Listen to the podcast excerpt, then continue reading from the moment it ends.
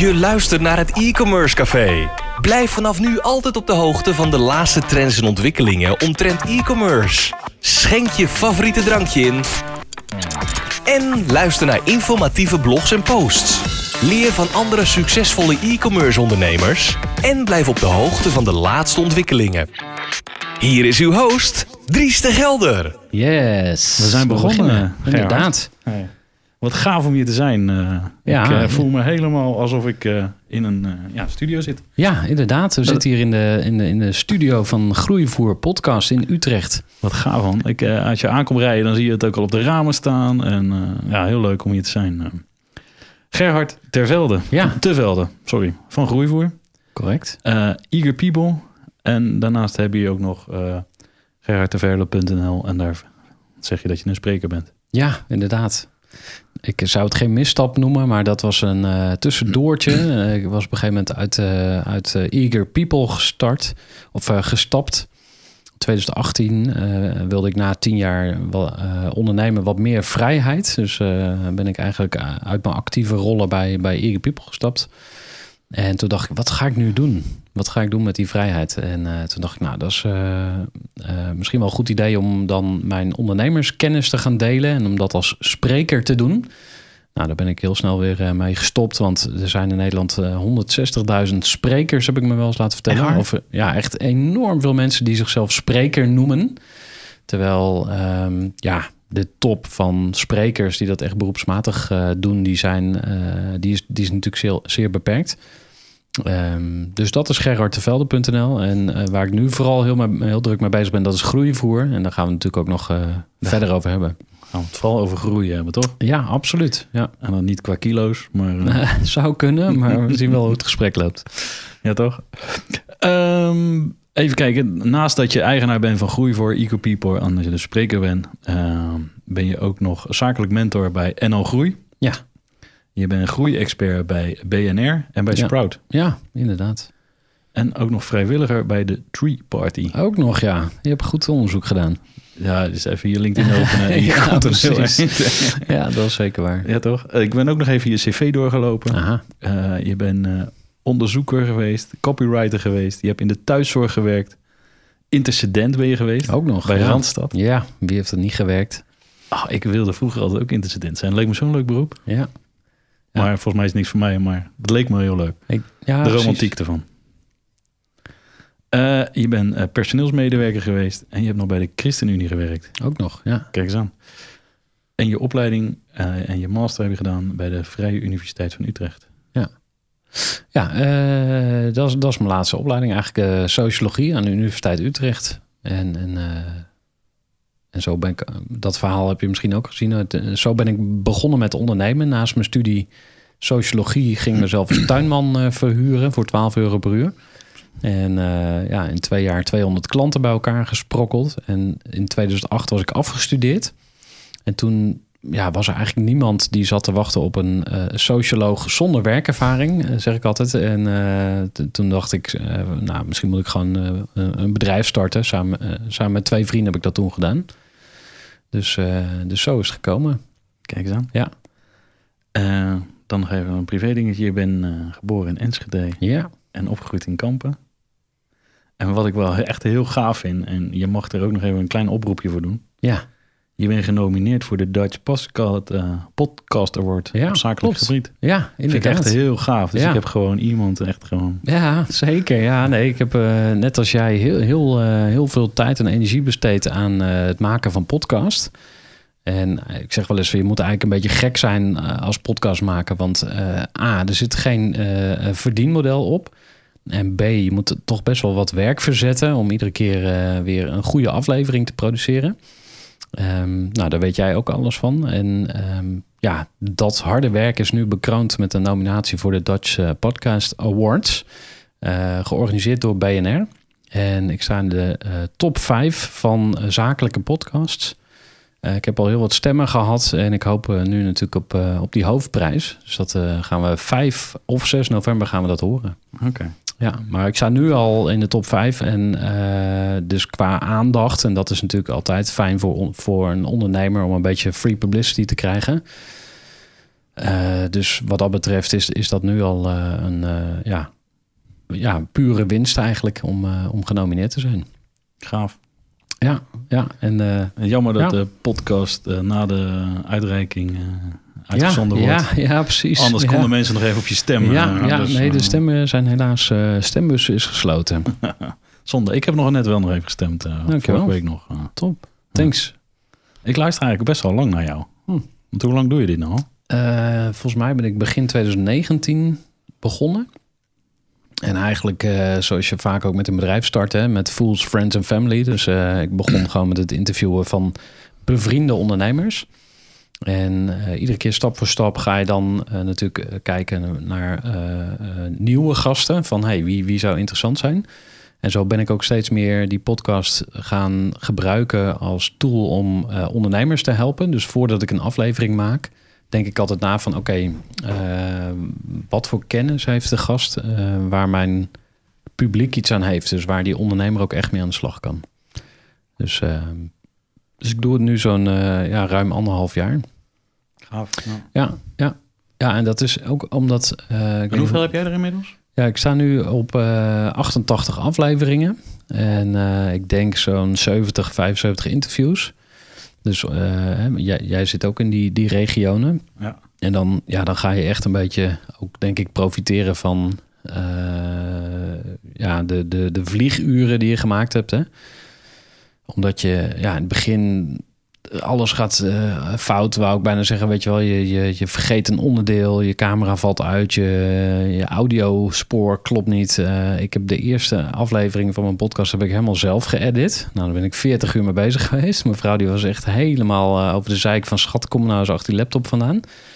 En op een gegeven moment, na vijf afleveringen, ben ik het gaan, gaan uitbesteden.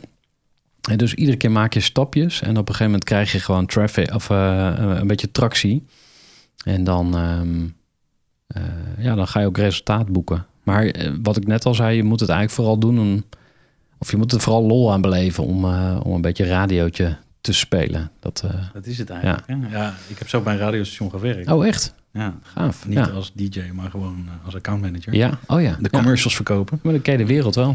Ik ken de wereld ja, wel. En Ja. ik kwam ook al in de studio's. En, ja, en dan, dan, ik weet, eh, de romantiek van de radio, die is echt eh, heel mooi. ja. Eh, en toch kon ik het nooit begrijpen dat die mannen urenlang eh 2600 keer hetzelfde fragmentje terugspoelden van drie seconden. En dan Mm. weer opnieuw en weer opnieuw en weer opnieuw. ja. Maar nu ik zelf een beetje... ik ben niet zo nauwkeurig in, dus ik heb het uitbesteed aan een oud collega van me. Ja, oh wat die goed. Doet, die doet het nu. Ja. Oh, wat slim. Dus je gebruikt je netwerk wel op die manier. Nou, natuurlijk. Ja, slim. Edwin van het geloof, degene die het willen weten. Eh, gaaf dus dat je genomineerd bent eh, voor de eh, Dutch Podcast Awards. Ja. Nog even terugkomen op de podcast voordat we naar het interview gaan. Ben je nog wel zenuwachtig als je een gast interviewt? Ehm goeie vraag. Niet echt zenuwachtig. Wel de lichte spanning soms. Ik denk dat, dat iedereen dat heeft ook. Hè. Dat zeggen ze ook van topsporters en misschien zelfs artsen die een eh, ingewikkelde operatie moeten doen. Maar eh, wel de gezonde spanning. Echt zenuwachtig eh, niet. Nee, ja, Jos Burgers heb jij bijvoorbeeld geïnterviewd. Mm, ja, dat is natuurlijk best wel een grootheid. ja, zeker. Ja, ja, mijn vakgebied heb ik best wel een aantal grote al geïnterviewd. Ik kan echt wel zeggen dat ik echt wel zenuwachtig was. ja, ja. Dat ik het ook, als ik dan terugluister, hoor ik het ook. Oh ja, dan in het begin Zo. dan... Ja, precies. Wel Maar- het hele gesprek. Ja. Ah, maar waarschijnlijk, eh, dat is wel interessant. Dat hoor je zelf misschien meer dan een ander. Ja, ja ik, ik maak me er ook niet druk om. Nee. Ik zeg het ook gewoon tegen Ja, ik ja. was best wel zenuwachtig. Ja, deze, ja, omdat, grappig. Dan zet ik hem nog op een hoger eh, voetstuk. Ja, ja, ja. Stiekem had ik het ook een beetje onderweg hier naartoe. Mm, dankjewel, lief. Hey, ehm, jij hebt nog een cadeautje eventueel voor onze luisteraars. Eh, natuurlijk mogen ze naar je podcast luisteren, maar eh, daar gaat het niet om. Want ze moeten gewoon naar mij blijven luisteren, Uiteraard. ja, uiteraard. Eh, maar je hebt de zakkompas. Ja, inderdaad. In eh, 2018 heb ik een boekje gemaakt. Dat heet het Zakkompas voor persoonlijke groei. En, ehm, Dat past in je zak? en dat past in je zak. Ja, het is echt een... ik durf het niet eens een boek te noemen. Het is echt een boekje. En dat... ehm, dat geven we weg. En ik, ik wilde sowieso tien eh, sponsoren. En als er meer animo is, dan kijken we of het eh, ook mogelijk is. En misschien is het leuk als mensen dan eh, reageren op de post die gaat komen. Hè? Want je gaat natuurlijk bekendmaken wanneer de aflevering live gaat. Precies. En, maar ehm, zullen ja, we aan het einde van het verhaal... dat, en dan gaan we straks... eh, ja, precies. Dan, horen we nog hoe je in de wacht sleept. Anders, Ja. anders luisteren ze helemaal niet meer. Dan, Nee, eh, precies. Dus je- even, die kompas binnenhalen en dan eh, stoppen met luisteren. Ja, ja. Dus, nee, we gaan gewoon door naar het einde van de show. dan, dan kan je het horen. ja, helemaal goed. Ja, Gerard de Velde van Groeivoer. Wat is het leukste wat jij afgelopen week hebt gedaan? Ja, nou, ik noem toch even dan een rondje wielrennen. En eh, afgelopen maandagochtend ben ik lekker gaan wielrennen op de Utrechtse Heuvelrug. En eh, ik heb eh, maandag had het mijn papa-dag met, met onze dochter Fine. Leuk. En dan komt een nichtje even oppassen. Dus ik ben een beetje aan het vals spelen, maar mijn vrouw weet ervan. En dan, dan ga ik even wielrennen, want dat is echt lekker om er even uit te gaan. Dus, ja, Oké. ja. En hoeveel, hoeveel fiets je dan? Eh, deze keer denk ik een 2,5, 3 uur of zo weg geweest. Dus dan zit je op een 70, eh 75, 80 kilometer, zeg maar zoiets. En dan eh, daarna lust ik ook wel een boterhammetje. Oké. En heb je Ja. daar nog wel energie om met je dochtertje te spelen? Ja, zeker, juist. Nee, want het punt is als ik dan de hele dag binnen zit... en eh, zeker met slecht weer of zo... Dan, dan word ik alleen maar ja, opgefokt, is het woord niet. Hè, maar ik voel me dan een gekooide tijger. Dus het is eigenlijk beter als papa even buiten gaat spelen. En ik hou echt heel veel van mijn dochter. Eh, nou, ik probeer elke dag ook gewoon eh, netjes om half zes thuis te zijn... en eh, soms eerder. Dus ik, ik besteed super veel tijd aan, aan, aan het gezin... Dus ik vind dat je dan hè, ook op een pappadag mag je best even iets voor jezelf gaan doen als je het maar op een goede manier regelt. Dus ehm, ja, dus zo doe ik dat. Je hebt hem op maandag, ik op donderdag. Oké, ah, kijk, ja. Leuk. Hey, en wat zijn de gevolgen voor, van corona voor jou? eh, privé, maar ook Ja. zakelijk? Ja, ehm, nou privé dat mijn vrouw thuis werkt. Die eh, is eh, rijksambtenaar. Werkt bij de Nederlandse Voedsel- en Warenautoriteit. En ja, die zit elke, elke dag aan de keukentafel. Dus ik ben heel blij dat ik een eigen kantoor heb waar ik naartoe kan vluchten. En ehm, klinkt alsof mijn vrouw eh, niet eh, genieten is. Dat, daar ligt niet aan. Maar ja, je hoort zoveel ellende hè, van mensen die, eh, die samen aan één keukentafel moeten werken. Dus ehm, dat, dat over privé, zakelijk gezien. ik heb een uitzendbureau, Eager People, dat, dat draait nu verlies. Dus dat is best wel pijnlijk. En met groeivoer zit ik eigenlijk toch in een soort start-up fase. Want ik ben pas begin dit jaar echt begonnen met producten verkopen. Nou, jij zit natuurlijk in de e-commerce. En eh, ik heb een webshop eh, eh, waarin ik abonnementen voor de groeiclub eh, verkoop. Hè, dus vergelijkbaar misschien wel ook met, met jouw business. Alleen ja, net weer even anders. En ehm, ja, wat ik wel merk is dat ondernemers juist nu op zoek zijn naar... ja, ik wou bijna zeggen lotgenoten. Maar in ieder geval sparringpartners. Ja. En dus ik zou zeggen, eh, voor de groeiclub en voor groeivoer is het denk ik eh, wel juist positief. Ehm, ja, wat gaat er nog aankomen? Ik denk uiteindelijk, eh, maar daar komen we misschien straks nog op van ja, dat, dat we uiteindelijk gewoon sneller zullen, oh, nou niet sneller misschien, maar wel sterker uit de crisis komen. Omdat we gewoon efficiënter gaan werken en, ehm, en ja, de online eh, tools die er zijn eh, echt gaan omarmen. En dat zie je nu al. Hè? Ik bedoel, eh, vroeger eh, reed je ook naar Limburg als je eh, accountmanager was. Vanuit Utrecht naar Limburg op en neer. En dan al die uren in de auto. Ja, misschien kon je nog klanten bellen, maar waarschijnlijk was je niet 100% productief. En nu plan je even een Zoom call in en binnen een uur ben je klaar. Dus hè, als je al die, dat soort efficiency dingen optelt, denk ik dat we uiteindelijk daar ook van profiteren. Ja, ik denk het wel. Maar ik denk zodra het allemaal weer kan. Ah, oké, dat zou kunnen. Dat, Dat mensen weer in een oude oh, gedrag teruggaan. Ja, want ja. je mist het gewoon. ja, ja. Als ik dat nu ook hoor van, ja, ik weet je wel, eh, gisteren sprak ik Mirko Zenovic. Hm. Hij zegt, ik heb eh, op één dag heb ik eh, drie continenten eh, voorbij zien komen. Ja, Hij ja. zegt, ja, normaal lukt dat natuurlijk niet. En, en nu ga je eigenlijk, je gaat ook zes keer zo hard. ja. Het is eigenlijk niet meer bij te benen. Nee, nee. Nee, oké. Ja, dus qua energie, inderdaad, daar heb je een punt. Ja, Weet je wel, als je gewoon, weet je wel, ik rij nu eh, van Den Haag naar Utrecht om dit gesprek te doen. En we- gelukkig kunnen we hier op anderhalve meter zitten. ja, Maar wel, ik moet er toch niet aan denken, Zoom. Ik heb er een aantal gedaan. ja.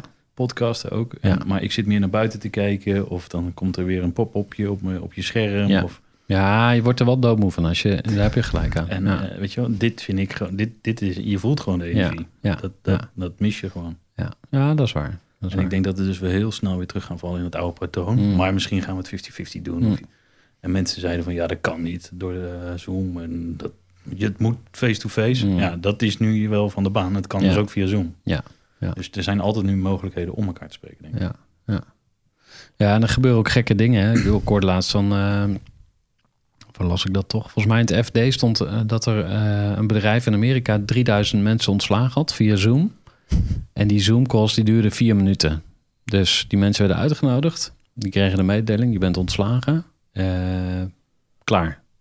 Meeting terminated. Dan denk ik echt van... Hoe ziek is dat, weet je wel? Dus het brengt eh, in die zin eh, gebeuren hele mooie dingen. Maar ook de, dus het slechte in de mensheid, zeg maar, dat zie je ook terug eh, in dat soort dingen. Ja, ja absoluut. Ach ja. Je hoort het wel vaker om je heen. Ik had vorige week de podcast met Bas Eurlings. Ja, oh ja. En die zei van, dat hij 30 man voor de coronacrisis naar huis had gestuurd. Ja, Hij zegt, want ja, ik was gewoon moe om met personeel te werken. ja, En ik heb gewoon nu een remote team opgebouwd. ja. Hij zei dat vlak voor eh, dat het eigenlijk de crisis begon of corona kwam, had ik dat allemaal op de rit. Mm. Dus hij was zeg maar heel blij dat hij het net, Precies op tijd, ja. ja, precies op tijd geregeld. Mm. Je moet, ja, dan kan je het geluk noemen. Ja, ja, Zijn nogal dingetjes, toch? ja, absoluut. Wat is Eager People eigenlijk? Ja, Eager People. Ehm, begonnen als eh, mijn student. En ik vertelde net al dat ik naast mijn studie mezelf als tuinman eh, ver, ver, eh, verhuur, ik verhoereerde, ver, verhuurde. Ehm, eh, dat eh, deed ik da- daarna met twee vrienden samen. En we gingen ook andere klussen doen. Dus verhuizen, schilderen, schoonmaken, computers repareren en noem maar op. En zo kwamen we in de facilitaire branche terecht. Nou, sommige mensen kennen dat, anderen niet. Maar facilitair is eigenlijk alles wat ondersteunend is aan, aan de werkplek. Dus het licht brandt, de verwarming doet het, eh, het bureau staat op de juiste hoogte, noem maar op. En in 2018 zijn we van mijn student naar eh, Eager People gegaan, dus een andere naam. En de reden was dat we een beetje van het studentenimago af wilden. Omdat ehm, ja, studenten zijn misschien goedkoop, maar ze zijn ook ehm, eh, Laks. goedkoop, onbetrouwbaar, al dat soort eh, dingen. Dus eh, we wilden Na een naar feestje, dan komen ze altijd Ja. opdagen. Precies. Nou ja, en als je dan in de sales zit, en ik heb heel, heel veel sales gedaan voor mijn eigen bedrijf, dan moet je dat iedere keer uitleggen. Dus daar waren we klaar mee. Dus dan zeiden we, nou, eager people, hè, gedreven mensen, dat, eh dat bekt gewoon beter. Dus dat is tot op heden de naam. Kijk, gaaf. Dus eigenlijk verhuur je mensen. Ja, inderdaad. Een soort ja. uitzendbureau. Ja, ja, en het grappige is... eh, Dus toch weer ja. intercedent. Ja, eigenlijk wel. Ja, inderdaad. Ik zat er gelukkig wat verder vanaf. Maar ehm, het verbinden van mensen, dat, ja, dat is ook het mooie aan het werk van een incident. Eh, dat doen we nog steeds. En we zijn nu bijvoorbeeld teststraten winterklaar aan het maken. Dat is wel grappig, want vroeger maakte ik tuintjes winterklaar. En nu maken we eh corona-teststraten winterklaar. Ik weet niet precies wat we dan... eh, waarschijnlijk gewoon aanvegen en ehm, eh, dat soort dingen. Maar... ehm, En, eh, Ja. e- Extra vastzetten. ja, precies. Voor als er storm komt of dat soort dingen. Dus, Echt, eh, een haring slaan. ja, inderdaad. Ja. Oké. Ja. Gaaf. ja, dus dat is nu even weer een, eh, een, een project wat we erbij doen. En, eh, maar goed, de uitzendbranche heeft wel flinke klappen gehad. En dat, eh, nou ja, wat dat betreft fijn dat er overheidssteun is. En kunnen al die eh, mensen die eh, nu bij jou, zeg maar, in plaats van teneren, kunnen ze nu geen pakketjes inpakken? Ja, dat soort dingen zijn eh, mogelijk. Alleen het nadeel is wel dat die grote partijen hè, die dat inkopen, die hanteren echt belachelijk lage tarieven. Dus als je voor een GLS of een Bol of een DPD, of, nou, dat is misschien een slecht voorbeeld, maar die grote partijen die kopen groot in. Dus die onderhandelen gewoon keihard. Die zeggen van, eh, nou, 16 euro per uur mag je leveren. Wij zijn gewend aan eh 25, 35 euro per uur. Dus eh, dan kunnen we eigenlijk gewoon niet. eh, daar willen we niet in mee eigenlijk. Hè? Dus dat he- heeft ook gewoon te maken met, met je strategie. Maar net zoals die e-warehouse of die fulfillmentbedrijven. Ja. Dat Ja. zou misschien ook wel wat zijn. Want die, Zeker, ja. Nee, het is wel interessant. En volgens mij ja. een hele hoop webshops. Ja, ja. Die kunnen op dit moment ook wel wat extra handjes gebruiken. Ja. Nou, eens nog eens goed naar kijken. Ik, ehm, ja, Eh, als ze willen betalen, dan is alles mogelijk. Ja, nooit te veel, toch? Nee, zeker niet. Het is, ja, als je studentenprijzen... eh, dat ben je niet meer, hè? Geen- het is Nee, maar dat is het dus. Dat is het. Dus als je, als je een beetje de, de, de Aldi eh, of de Lidl gaat uithangen, dan komen daarna de klanten die eigenlijk eh, premium willen ook niet meer zo snel naar je toe. Dus het is wel een strategisch dingetje ook van, ja, wil je echt ehm, eh, zakken? Plus, ehm, stel dat je bestaande klanten dan toch weer mensen gaan vragen, dan moet je in één keer weer nee verkopen. Dus het is wel een, eh, het, is, het is een beetje zoeken. Maar ik, eh, ik neem het zeker mee. Goeie. Ja, ik eh, sprak laatst iemand die zei van... die had zeg maar... Die zat in de luchtvaarttransport volgens Mm. mij. Ik- d- dacht ik. Weet niet Mhm. zeker of in de zeevracht. Mm. Maar die hebben mega loodsen staan in Rotterdam, zeg maar. Ja, En eh, die zei ook van... Ja jongens, eh, die op kantoor zitten. Hm. We kunnen nu met z'n allen het magazijn in. oh, En we sturen de uitzendkrachten Ja, naar huis. ja, ja. Of we sluiten de tent. ja. Nee, kies maar. Eh, Precies, maar dan, dan ja, dat is het. Dus ja, niet iedereen is ermee eens natuurlijk. Maar Nee. het is geven of nemen. Ja. Nee, maar iedereen moet inleveren. Dat is, dat is feit. Ja, e-commerce die vaart er nu wel bij. Ja. Dus eh, misschien, ja, daar moet ook eh, nu wat eh, naartoe dan. Ja, ja. Bij wijze van spreken. Ja, ja zeker. Eh, al, al is het maar handjes. Ja. Toch? Ja. Wat is groei voor dan? Groeivoer. Nou, eh, ik zeg wel, groeivoer is alles wat je tussen je oren stopt om eh, te groeien als ondernemer. Dus dat kan een eh, podcast zijn, zoals die van jou. Eh, het kan een blogartikel zijn, het kan eh, whatever, een boek of een goed gesprek. Dus eh, eigenlijk eh, is de basisgedachte van groeivoer dat je eh, je bedrijf groeit als jij groeit. Hè? Dus als jij een beter ondernemer wordt, dan gaat je bedrijf waarschijnlijk ook beter lopen. Dus dat is waar we met groeivoer mee bezig zijn. En ehm, ja, een van de. eh, En ga je Ja. dan, stel ik kom als ondernemer, klop ik bij jou aan. Ja. Ga je dan kijken naar wat ik allemaal kan verbeteren? mhm. Of ga je kijken van nou, dit doe je goed, dit moet je uitbreiden? Ja, ehm, meestal is het, laatste is het meest interessant. Dus kijken van waar ben je nu al geweldig goed in. Hè, dus nou, in jouw geval bijvoorbeeld, jij vindt eh, podcasten leuk, je bent er goed in. Dus dan, eh, stel we zouden met elkaar praten, dan zou ik je zeker aanraden om daar verder mee te gaan, om dat het nog beter te gaan doen. Ehm, terwijl als jij ehm, eh, weet ik veel, video niet leuk vindt, dan ga ik niet tegen je zeggen van nee, maar je moet nu met je videostrategie aan de slag. Want dat is, kijk, je moet eigenlijk werken met het materiaal wat je hebt. En eh, als ondernemer ben jij eh, ja, het centrale speel van je bedrijf. Dus ja, met die skills moet je het doen. En ehm, ja, de rest kan je beter of de juiste mensen bijzoeken natuurlijk. Hè? Dus eh, als je dat kan betalen, dat is een beetje kip-ei verhaal natuurlijk. Ehm, maar zoek de juiste mensen erbij en ga daaraan delegeren of stop ermee. Dus je kan ook gewoon zeggen, ik ga gewoon iets waar ik gewoon niet goed in ben en niet blij van word, daar ga ik gewoon mee stoppen. Ja, bijvoorbeeld door klanten te ontslaan. Hè, dat eh, hadden we het net wel even over, eh, of dat werd al even aangestopt, eh, aangestipt. Ehm, bijvoorbeeld een klant die bij jou is, maar nooit echt tevreden is of zo. Dat kan natuurlijk ook een teken zijn. Dat je denkt van, hé, hey, als die klant eigenlijk nooit echt tevreden is, dan gaat er blijkbaar iets niet goed. Dus dan kan ik er maar beter mee stoppen. Dus, dus jouw vraag was van, eh, ja, kun je... ehm, eh, ja, moet, je, moet, je onderne moet een ondernemer ergens aan gaan werken? Of kun je beter werken met wat er is? En dan, dan zit ik wel op die laatste, laatste benadering. Ja. Oké. Ja. De, eh, en het verdienmodel van Groeivoor is dus eh, trainingen verkopen, opleidingen, dat soort dingen. Ja. Sessies, Ja, lezingen. ja, we doen, eh we doen eh, strategie-sessies. We hebben dus een businessclub. En eh, daarnaast hebben we ook af en toe één op één coaching. Ja, en dat is ehm, ehm, ja, iets wat ik zelf af en toe doe. En ik heb ook een aantal partnercoaches die aangesloten zijn. Dus dat zijn mensen die zijn business coach en die werken met klanten van groeivoer. En wat ik zelf heel leuk vind, is ook om het stuk commercie op te pakken. Hè? Dus de sales en de marketing. Want daar gaat eh, nog ontzettend veel mis. Hè? Dus daar valt in ieder geval heel veel te winnen. Eh, veel ondernemers die zijn heel goed in wat ze doen, maar die weten niet zo goed te verkopen. Dus ja, hoe ga je ze op de kaart eh, zetten? Ja, Gaaf man. ja, Leuk bedrijf. ja, ja, ja, ik vind het zelf ook wel, ja, leuk. Het is, ja, maar waarom zou ondernemen ook niet leuk mogen zijn? Hè? Ik bedoel, Nee, en alleen maar bezig met leuke dingen.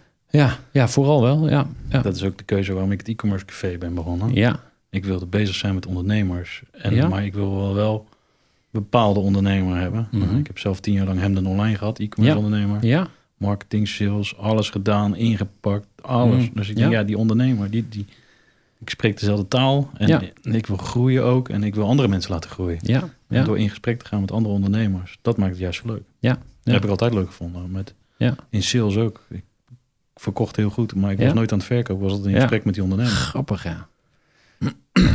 dus je maakt eigenlijk contact, of het gebeurt vanzelf, min of meer. Dus zo, eh, bij jou, ja. Ja, het mooiste voorbeeld was, eh, ik kom niet, eh, je, mag, je mag je voorkomen stellen, maar ik ga Mm. niks bij je kopen. Hm. Nou, we hebben een uur en een kwartier over, weet ik veel wat, zitten ouwe hoeren, over Ja. ondernemen, over groeien, over marketing, online marketing, ja. Google Analytics. En toen vroeg hij, ja, wat kwam je eigenlijk doen? Ik zei, nou, ik heb nog iets, maar dat kost 2500, dus dat gaan we maar niet doen. Hm. Nou, doe maar gewoon en dan eh, en nou wegwezen. Oh ja? Hij wist niet eens wat hij gekocht Nice, had. Dus, ja. dat maakt ook niet uit. hè. Dus die dingen gebeuren ook. Hè. Ja. Ehm, groeien ten tijde van corona. Ja. Ja, voor e-commerce ondernemers eh, kan het, is het Ja. makkelijk. Maar eh, voor de anderen. Ja, inderdaad. Ja, eh, ja, hoe gaan we daarmee om? Groeien tijdens corona? Nou ja, het meest voor de hand liggend is eh, groeien als ondernemer. Hè? Dus je hebt eh, meer tijd hopelijk. En eh, je kunt aan je skills werken. Maar goed, er zullen ook ondernemers zijn die dan denken van ja, dat is een beetje een dode mus. Want ik wil helemaal niet aan mezelf werken. Ik wil gewoon handel. Dus dan zou een deel van het antwoord kunnen zijn: ga op zoek naar nieuwe problemen. Want als je geld wil verdienen, dan moet je problemen oplossen. Dat, eh, weten we allemaal. En eh, hoe kom je erachter wat voor problemen er zijn? Nou, dat is maar één manier. Dat is praten met mensen. Hè, dus wat jij al zegt, van gewoon in gesprek gaan met een klant of een potentiële klant. En gewoon eens verkennen van ja, wat is de belevingswereld van die klant? Waar, waar heeft hij elke dag mee te maken? Waar loopt hij tegenaan? Nou, bijvoorbeeld hè, als je eh, e-commerce ondernemer bent en ja, je mist sparringpartners of je voelt je eenzaam of je wil geïnspireerd worden, nou, dan word je lid van het e-commerce café. Hè? Dus mm, je hebt een probleem en jij lost het eh, eh, voor die ondernemer op. Dus ik denk dat je eh, kunt groeien in, eh, als ondernemer. Je kunt groeien door nieuwe diensten te verkennen. Dat lukt je alleen als je problemen eh, van klanten oplost. En hoe kun je verder nog groeien? Ja, ehm, als je geld hebt, dan kun je bedrijven overnemen. Of je kan. eh, en dus dan kan je misschien buitenkansjes benutten of zo. Maar goed, eh, dat is. ehm, dat is maar zeer de vraag. Ik bedoel, er zijn. eh, er zijn zoveel investeerders, hè, die zitten allemaal op dezelfde buitenkansjes te loeren. Die, die, eh, die concurrentie is wel heftig. Ehm, ja, en Jos Burgers, die heb ik natuurlijk eh, laatst gesproken. Die zei van, eh, joh, als de economie 5% kleiner wordt, dan is er altijd nog 95% over.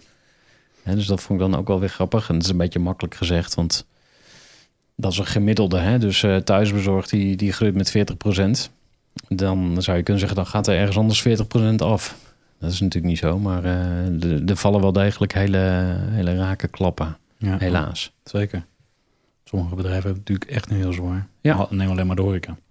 Ja, inderdaad. Ja. ja, en wat doet dat mentaal met je? hè? Want dat stond ook, eh, dat, dat kwam ik laatst ook ergens tegen van dat het kabinet eigenlijk de sociale crisis over het hoofd ziet. Hè? Dus eh, mensen die eenzaam thuis zitten, mensen die eh, hun bedrijf naar de kloten zien gaan en, en, en aan zichzelf ook gaan twijfelen. Ik weet niet of de zelfmoordratio's ook stijgen, zeg maar. Maar ik bedoel, er is ook gewoon heel veel ellende en, en eh, eh, eh, psychologische schade.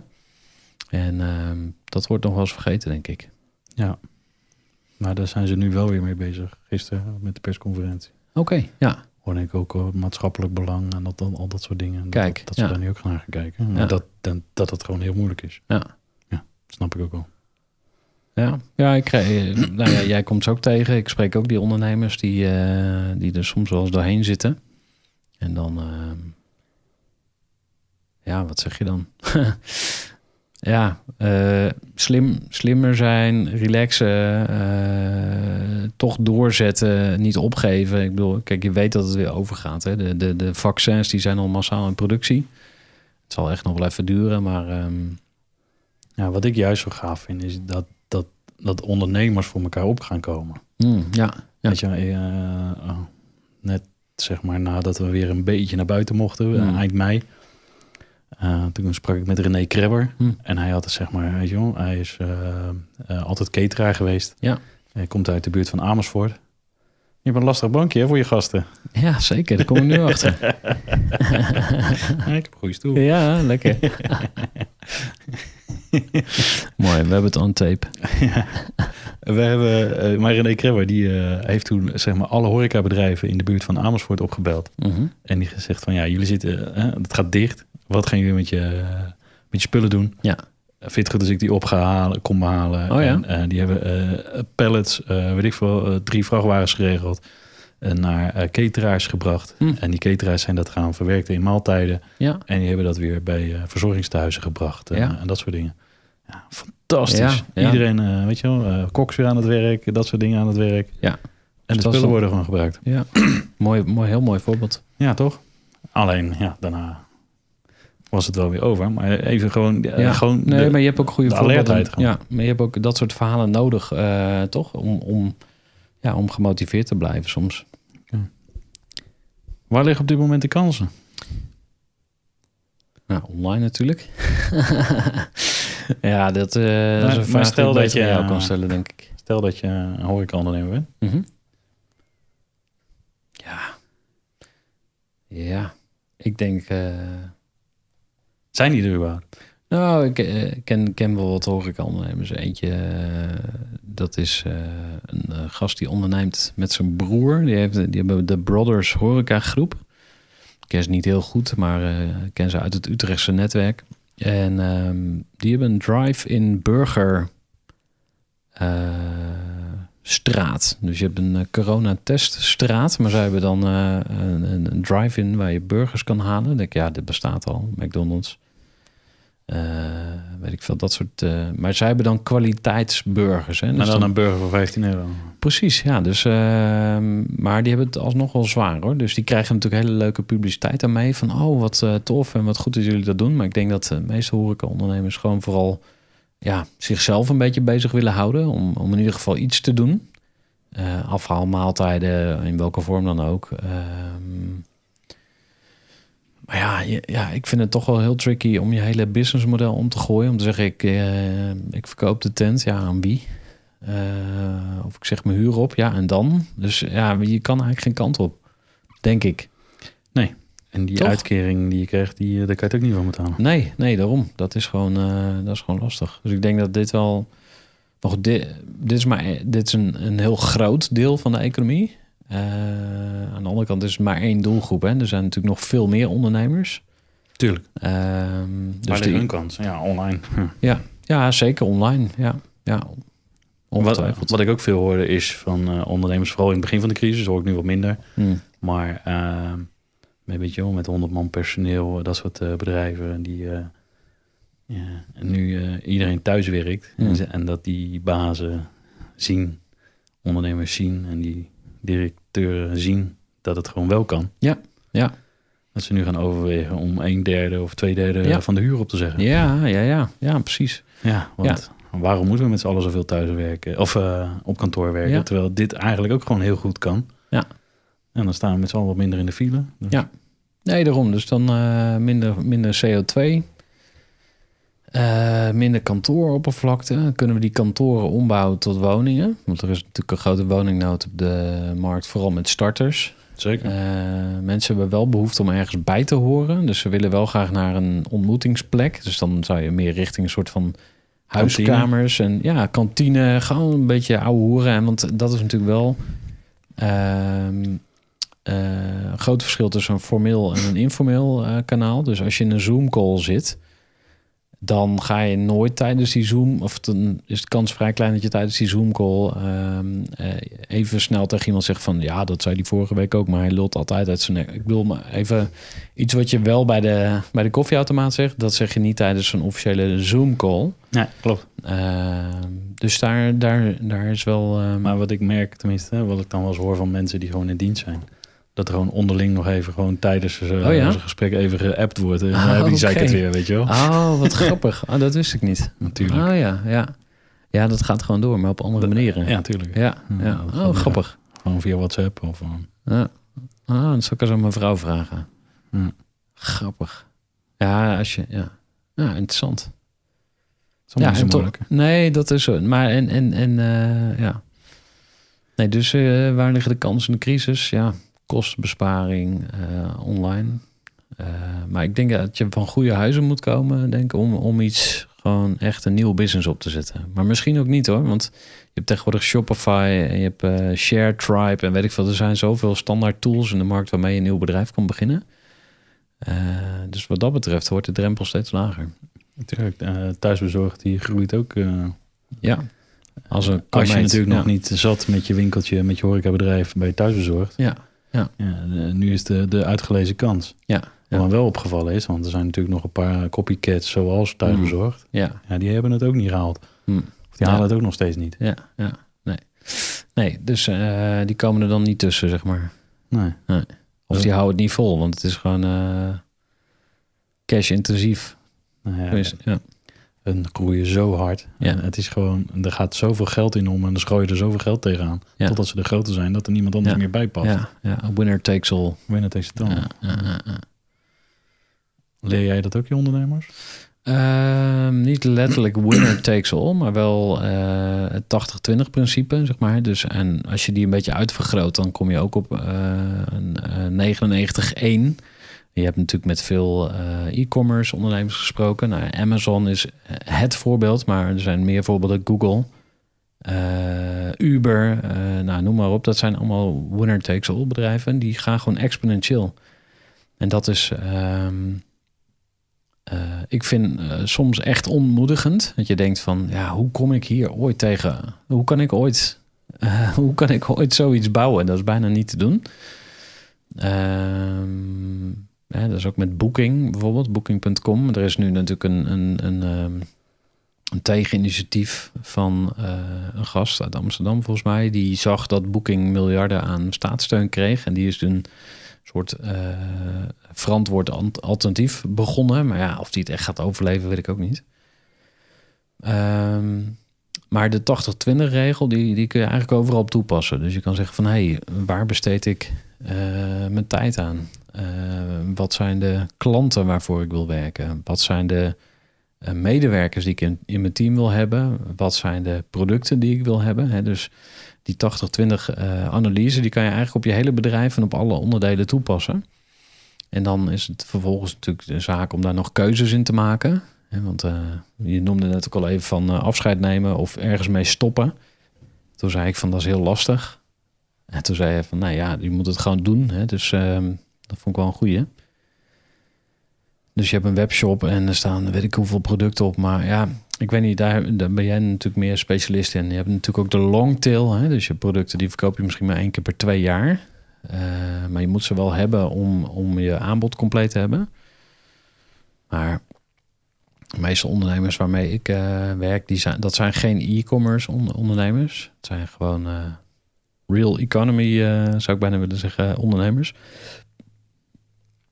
En vooral eh, als je het hebt over 80-20, ik denk dat die vooral dan in de tijd zit. Dus waar steek je je tijd in?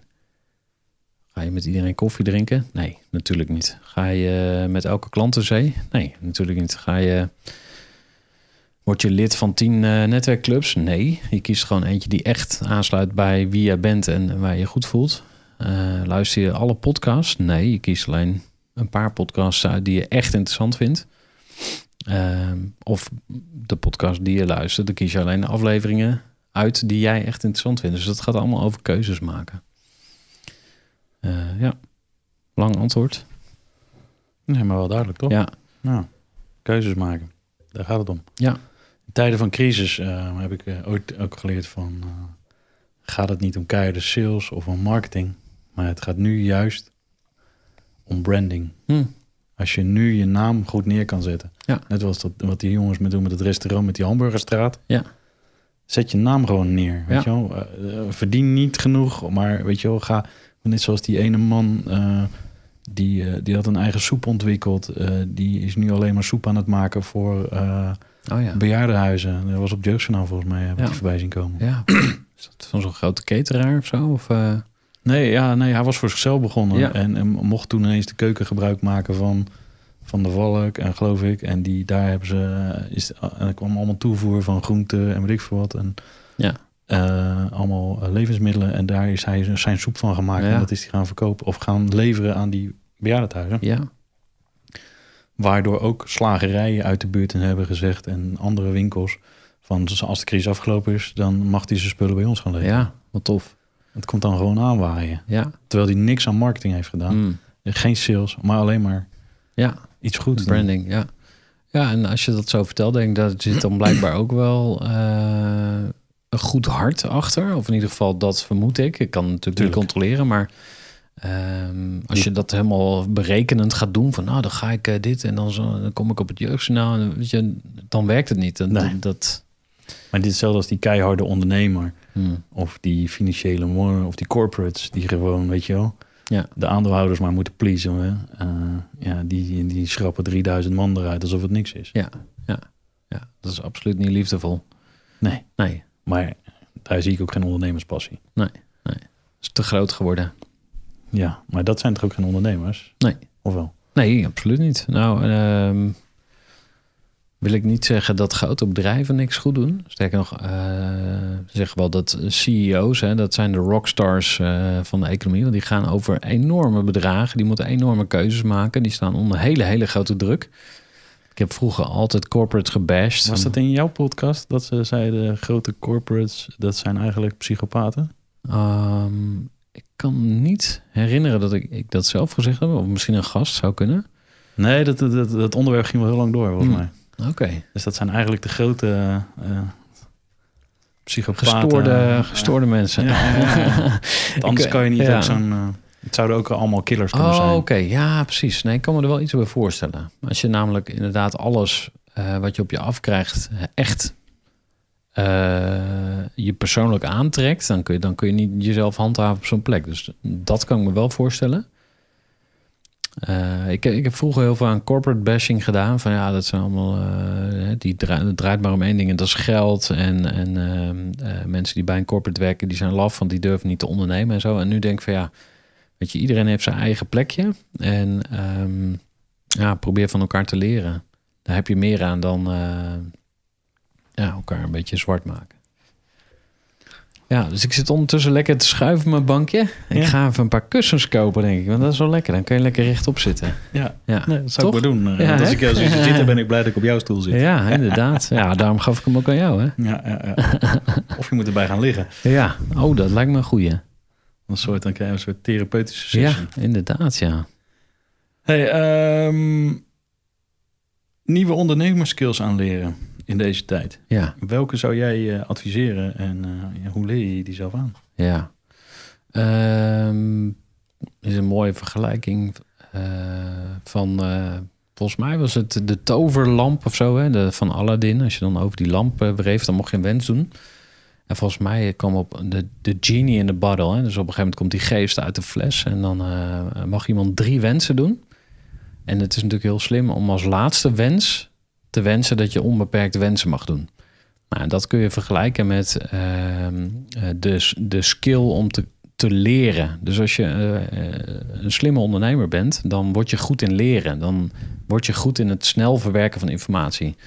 Dus als er één ding is waar je aan kan werken als ondernemer, dat is bijvoorbeeld om heel snel de essentie van een boek tot je te nemen. Dus in plaats van dat je dat hele boek van A tot Z helemaal door gaat lezen, zeg van hey, ik pak de 80-20 regel, die, die pas ik toe op dat boek. En ehm, ehm, Nou, bijvoorbeeld heel veel, heel veel boeken hebben gewoon achterin... elk hoofdstuk staat een samenvatting. Hè? Dus je kan gewoon...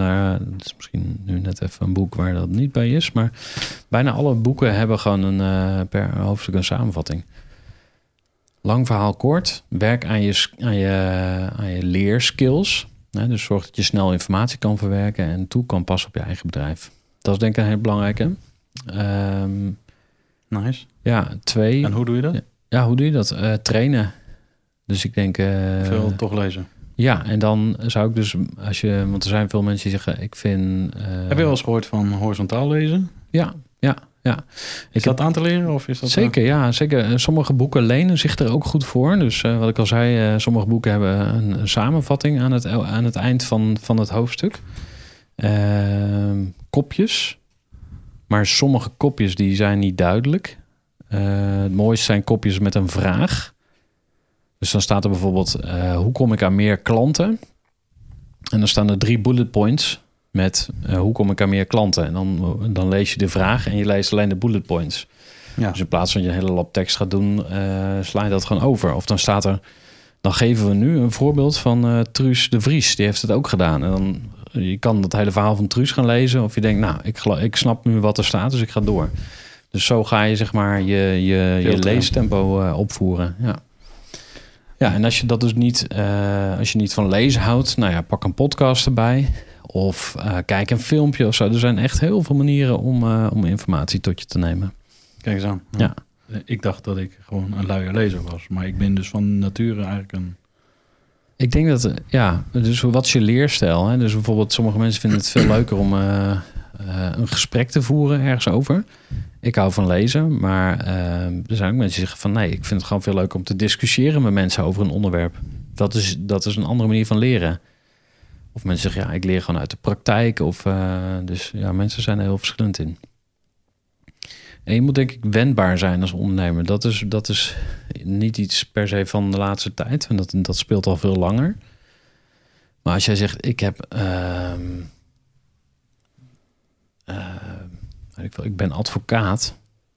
En ehm, ineens neemt de vraag naar advocaten enorm af.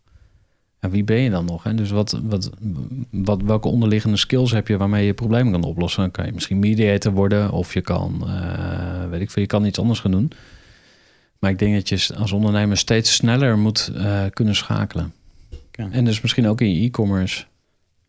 Weet ik niet hoor, maar als er geen vraag is naar bepaalde producten, ja, wat ga je doen? Is dat Vijf dan, jaar eh, wachten of ga je als dat, zeg maar, al die studiefinancieringen gaan naar, naar kunstenaars. En die de rest van hun leven overheidssubsidies nodig hebben. Ja, en- leg eens uit. Nou, tenminste, dat eh, idee hoorde ik vooral. Dan gaan ze een opleiding doen. Ja, Dan hebben ze een studiefinanciering nodig. Ja. eh, voor nodig. Nou, die, eh, die studie die kost echt klauwen met geld. Hm. Om vervolgens hebben ze nooit genoeg geld om hun kunst. dus hebben ze altijd subsidies nodig. Dus de, eigenlijk is de overheid subsidieert een studie Mhm. waar, waar ze de rest van hun leven ja. Vastzitten aan overheidssteun. Ja, ja, dat wil je dus niet. Je wil, Nou ja, weet je, ja. eh, weet ik niet, want kunst is, ik vind dat wel weer iets anders. Maar Ja. ik, vroeger had ik daar wel een andere stelling over. Ja. Ja. Dat ik dacht van, waarom? Ja, Of, eh, een, weet je wel, eh, multimedia studie, eh, ja, dat heel Hilversum zat vol met stagiaires. Ja. Maar daarna was nooit een baantje voor hen. ja, precies. Ja. Nee, in die positie wil je niet zijn als ondernemer. Dus je wil gewoon vooruit, je wil ontwikkeling, je wil beweging. En, ehm, eh, maar, dat, de- maar we kunnen nog over een andere boeg gooien. Als je vroeger eh, kind van een slager was, dan werd jij ook slager. Of als je vader kruidenier was, dan ging je de zaak overnemen. Als je, en nu, de economie verandert zo snel. Ja. Je moet continu eh, scherp zijn en meebewegen. En we hebben het tijd over de horeca. Ja, eh, als jij maar blijft herhalen, ik ben een horeca-ondernemer en ik hoop dat het ooit goed komt. Eh, dat kun je een tijdje volhouden, maar op een gegeven moment moet je andere keuzes maken. Ja. En dat is echt niet leuk. En ik wil echt niet makkelijk praten over hoe eh, de situatie is nu. Ehm, Maar eh, even, ja, ik organiseer 6 november een wandeling voor ondernemers. ja, ik heb een aantal horecabedrijven gebeld van... joh, ik wil graag op een parkeerterrein weliswaar. Ja. Want weet je wel, corona, dus we mogen niet... ja. Wil je daar broodjes voor regelen, koffie, weet je wel, warme chocomel? ja. Nou, eh, weet je wel, dan, eh, Ja, dan moet ik helemaal vanuit daar naar daar rijden. Dat Hmm. kost me twee uur. Dan moet ik dit en dit. Dat kost, dus of je even 1000 euro wil neerleggen. Hm. Ik zeg, vriend, ik doe het om jou te helpen. Ik zeg, Ja. eh, je hoeft me niet gelijk armoedig te maken. Ja, ja, ja.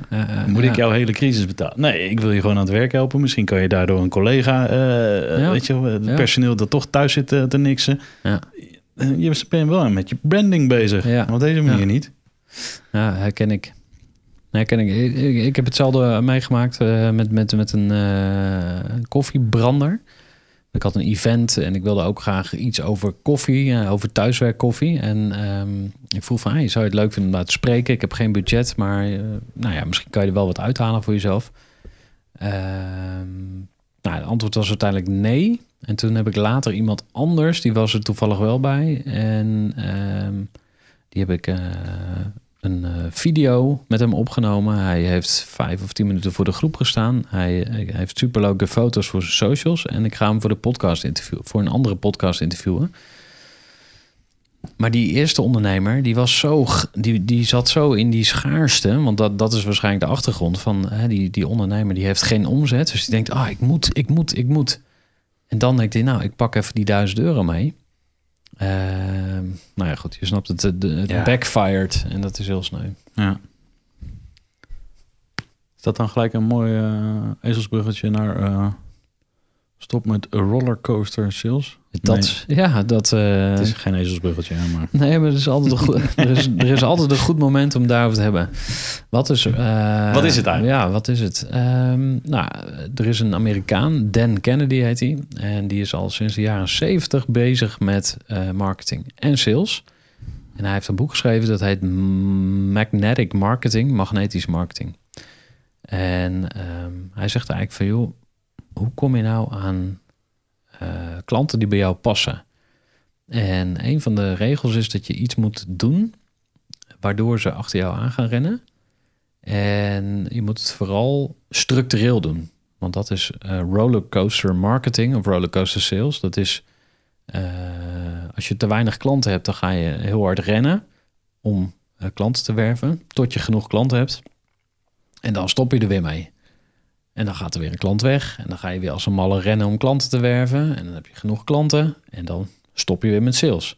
Nou, wat eh, Dan Kennedy ons dus leert, is eigenlijk van zorg dat je gewoon structureel iets doet. En ik heb dat eh, in mijn blog laatst heb ik dat een sales habit genoemd. Eh, maar doe iets wat je makkelijk vol kan houden. En doe dat structureel. Dus stel dat je podcast leuk vindt, hè, dat is weer heel dicht bij huis. Nou, ga gewoon één keer per week met een klant een podcast maken. Nou, als je dat leuk vindt. Of als jij zegt van, ik zit er toch al de hele dag op WhatsApp. Weet je wat, ik stuur gewoon elke dag één klant een WhatsAppje. Of weet ik veel, maar verzin iets. Er is vast wel iets wat je leuk vindt en wat je makkelijk vol kan houden. En dat, en dat is een sales habit.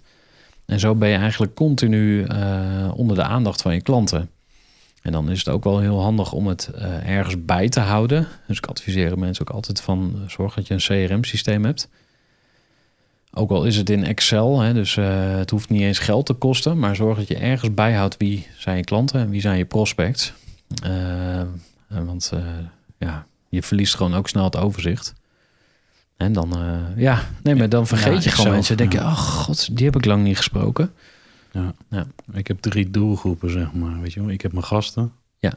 Dat is een doelgroep, weet je wel. En daar heb ik wel eens een gesprek. Oh, dan moet ik even in april weer even contact opnemen.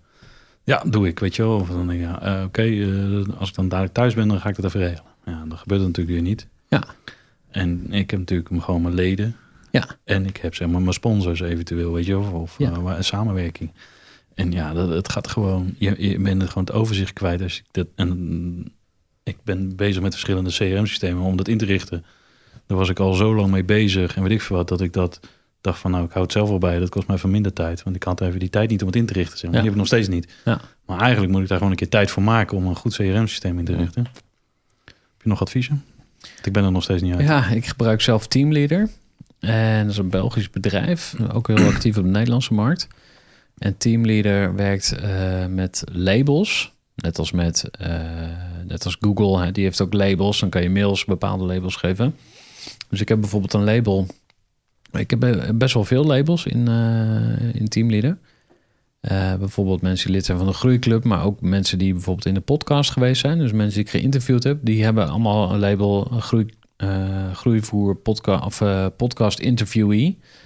Dus dan kan ik met één klik op de knop kan ik mijn lijst tonen van mensen die bij de podcast geweest zijn. En dan kun je ze ook exporteren en in één keer al die mensen een mail sturen. Nou ja, Dus daar zit nog één stapje tussen. Ehm, maar in Mailchimp bijvoorbeeld of andere maillijsten kan je natuurlijk ook labels gebruiken. ja. ja tags noem je dat. ja. Precies, tags. En dan, en dan kun je dus... ehm, Nou ja, wat sommige podcasters doen is eh, bijvoorbeeld een eh podcastborrel organiseren voor iedereen die geïnterviewd is. Hartstikke leuk. Ja. De vraag is of mensen komen natuurlijk, maar ehm,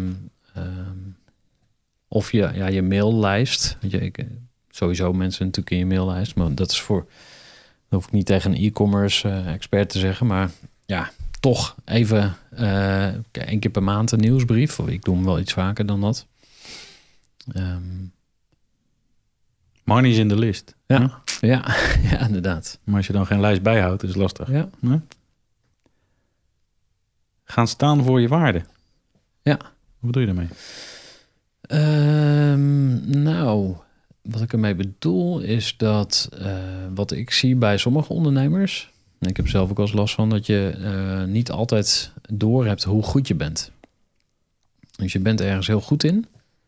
En mensen om je heen die zien het wel, maar jij ziet het zelf niet, omdat het voor jou gewoon heel normaal en vanzelfsprekend is. Ik heb een, eh, een ondernemer in gedachten, die, die, die is tuinarchitect. Nou, die maakt echt super mooie dingen. En gisteren kreeg ik een filmpje van hem. En hij was nou bezig in, eh, op de Utrechtse Heuvelrug ergens. En dan heeft hij een huis. En dan is hij een beek aan het aanleggen. Dus hij heeft gewoon een, een, een waterleiding. En een, een- maar een beek die loopt helemaal langs het huis. En dan als, die mensen s'avonds thuiskomen... moeten ze dus over de beek heen stappen hun, hun voordeur in. Maar dat ziet er zo fantastisch uit. Nou, voor hem is dat heel normaal. Alleen voor mij is dat abnormaal. Echt extreem geweldig en mooi en goed. Dus als je zegt van oké, ga staan voor je waarde, dan eh, wat ik daarmee bedoel is van ehm, eh, ja, wees niet te bescheiden. Hè? Dus eh, ga niet zeggen van ja, nee, maar ik ben ook niet zo goed en ik weet er ook niet zoveel van en ja, ik ben nog maar net bezig met of dus het de typische dingen die ondernemers soms doen om zichzelf kleiner te maken.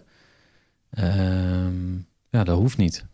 Mag wel, maar het hoeft niet. En zeker in de, in de, in de, onder- eh, in de sales en marketing werkt het ook niet zo goed. Kijk, je moet jezelf niet te groot, je, je moet jezelf niet groter maken. eh, nou, laat ik zo zeggen. Als het onrealistisch wordt, dan voelen mensen het ook wel. Fake it till you make it. Ja, tot een bepaalde grens. Hè? Dus als je te ver over die grens gaat, of dan denken mensen, ja, het zal wel, weet je wel. En Ja. eh, ik weet niet hoe dat voor jou is, maar soms dan ga je naar de website van een ondernemer en dan staan er hele dikke verhalen. En dan denk je, ja, het staat er wel, maar ik voel het niet. En het rammelt. En Ja. eh, je, je, je hebt snel genoeg, kun je die inschatting maken. Ja, maar fake it till you make it is natuurlijk ook bijvoorbeeld... eh, zoals je met, met bedrijven betaal, praat je altijd in de wij-vorm. Terwijl Ja. je maar in je eentje bent. Ja, ja, ja, dat soort dingen. ja, ja, ja, dat hoort er allemaal bij, toch? ja. Maar is, je wel, ja. Dus voor je waarde staan ook, betekent dat ook zeg van... verkoop jezelf niet voor te weinig. Ja, bijvoorbeeld, ja. Dat zie je natuurlijk ook eh, heel veel eh, ondernemers doen. Ja. Eh, en dan hebben we het net die horecaondernemer, die rekent dan misschien weer te veel in tijden van crisis. Ja. Natuurlijk hoeft hij, geen, hoeft hij geen klussen aan te nemen die hij niet wil doen of waar hij Nee. verlies op maakt. Mee eens. Maar weet je wel, moet je als ondernemer ook niet te weinig rekenen, durven rekenen. Ja. En moet je dan ook gewoon nee zeggen, zoals Ja. deze ondernemer. Absoluut, ja. Ja, zeker. Nee, die, die waarde en die pricing, die zitten heel erg aan elkaar vast. En eh, ik, ik moet ook aan een horeca-ondernemer denken, die zei dan altijd van... ja, ik wil eh, restaurant eten brengen, maar dan tegen de helft van de prijs. Ik, ja, restaurantkwaliteit, maar dan voor de helft van de prijs. Waarom zou je dat willen? Als je restaurantkwaliteit hebt, dan... eh, waarom moet het dan de helft van de prijs zijn? Hè? Dus dit is maar één, één voorbeeldje. Dus, eh, maar als je jezelf dus onderschat, dan ga je, ben je wel heel snel geneigd om een hele lage prijs eh, neer te leggen. En eh, wat, ik, wat ik wel zie is dat het makkelijker is om, om elkaar daarbij te helpen. Hè? Dus daarom is het ook heel waardevol wat jij doet hè? Met, met ondernemers in het e- e-commerce café.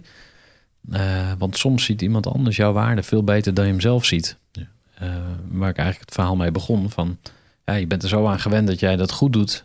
Dat voor jou heel normaal is. En ehm, Ja. Dus als je met je pricing aan de slag gaat, zou ik daar zeker eh, andere ondernemers bij betrekken. Het liefst iemand die echt eh, wat meer weet van pricing natuurlijk. Maar eh, Ja, ik heb in het begin heel kwetsbaar opgesteld. Van, joh, oké, ik ben startende, ik weet echt niet wat ik moet gaan vragen. Ja. Maar de pijp moet wel roken. Ja. Ja. Wat moet ik nou rekenen? Ja. Ja. En dan, zo begon. Ja. Kijken, mensen om je heen verzamelen en van daaruit verder. ja, heel slim. Ja. Ja, weet ik niet. Nou, eh, het is een, is een, manier. Hè? Dus je kan ook gewoon zeggen, ik vind dit het waard. Eh, en iedereen die... ehm, dus er zijn verschillende strategieën. Dit, dit is er één. Ik denk dat dit een prima strategie is. Andere zou zijn dat je eh, zelf bedenkt... oké, dit vind ik het waard. En dat, dat, dat prijskaartje hangt eraan. Je kan ook zeggen... wat, je kan ook aan je klanten vragen, wat vind je het waard? Dus be- be- eh, beroemde voorbeeld van... je hebt kiespijn. En... wat is je waard om eraf te komen? Ja, Ja. hier heb je 1000 euro. Trek dat ding eruit, want ik word helemaal gek. Weet je Ja. Dus dan is het eh, één minuut werk voor 1000 euro. Vind je dat dan veel weinig? Ja, als je genoeg pijn hebt, Ja. dan wil je alles betalen. Ja, En, zo, eh, zo zegt mijn, eh, mijn programmeur het altijd. Ja, ja, wat betaal je nou al- als ik het oplos in één minuut? Of be- be- betaal je de waarde Ja. die het heeft, of de oplossing? ja, Want die één minuut werk is het niet, maar mijn kennis Ja. heeft wel een bepaalde waarde. ja, ja, en dat is het. En die heb je in jaren opgebouwd. Dat zegt Jos Burgers bijvoorbeeld ook. Die zegt, ja, ik kan dingen heel simpel vertellen. Maar dat komt omdat ik er al 30 jaar mee bezig ben. Daarom kan ik het zo simpel maken. Ja. Ehm, en wat wel helpt trouwens in dit geval... is ehm, een hele praktische tip, maar eh, kies gewoon wat je gratis doet... en wat je niet gratis doet.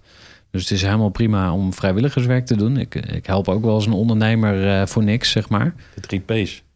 Ja, vertel eens. Eh, prijs, Mhm.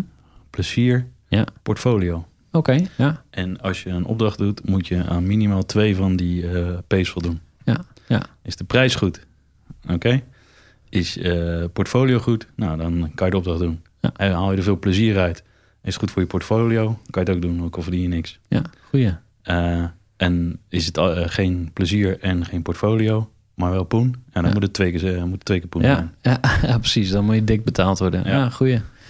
Mooi, ja. Goeie vuistregel. Nou, ik ken hem nog niet, maar drie P's. Ik ga hem gebruiken. Ja. ja, en als je dus scheidt met een DT, dan is het dus voor iedereen duidelijk. Kort, hè? Ja, dan zeg, ja, precies. Dan zeg je gewoon van, luister, ik hoef er geen geld voor. Eh, ik doe het gewoon om, omdat ik het graag doe en klaar. Weet je wel? Maar dan hoef je dus ook niet je prijs te laten zakken. Want dat is dus een beetje kneuzig als je zegt van ja, ik wil het wel voor je doen, maar eh, kan het dan voor de helft? Nou, vooruit dan maar. Weet je, dan is dus niemand gelukkig. Nee. Ja, of dat je zegt van, ik wil het voor jou doen, maar eh, dit kost het mij. Aan al mijn uren geef ik je cadeau of zo. Ja, ja, precies. Kiezen voor minder. Ja, dat vind ik het ergste dat er is. Ja? Ja, ja. Wat? Nou, eh, we hadden het over lezen. Dat vind ik leuk om te doen. Maar ik eh, lees dan tien boeken tegelijk. En dan op een gegeven moment dan... eh, ja, niet tegelijk letterlijk, maar wel wel... het boek Focus als gelezen of zo? Ja, ja, zeker. Ja, meerdere keren. Help, helpt niet. nee, dus op een gegeven moment dan pak ik mijn stapel. En dan heb ik geleerd van eh Marie Kondo. Dat is een hele bekende Japanse dame. Ze staat ook op Netflix met ehm, een eh, documentaire. Maar Marie Kondo is, is bekend geworden van eh, eh, opruimen. Dus hoe ruim, ik je, eh, hoe ruim je je huis op? Nou, dat is één regel. En eh dat is een beetje eh, makkelijk belachelijk te maken. Dus, eh, maar zij zij zegt dat het... Does it spark joy? Met andere woorden, word je er blij van? Dus als je je kledingkast gaat opruimen... dan ga je gewoon, pak je elk kledingstuk op... en dan zeg je van, oké, does it spark joy? Word ik er blij van, ja of nee? En als het antwoord nee is, dan doe je die kleding weg. Dus dan zeg je bedankt voor je, eh, voor je trouwe dienst... en nu ga je in de zak voor de, voor de kringloop. Nou, dit kun je dus ook met boeken doen. Hè? Dus als ik die stapel boeken heb, dan zeg ik van... oké, does it spark joy? Nee, kutboeken. Ik, vind, ik heb het al drie keer opgepakt. Ik kom er niet doorheen. Klaar. Ik geef het weg aan iemand. Het is niet meer van mij. En dit kun je dus ook doen met klanten. Hè? Dus je hebt klanten. Je zegt van, oké, word ik blij van deze klant? Nee. Oké.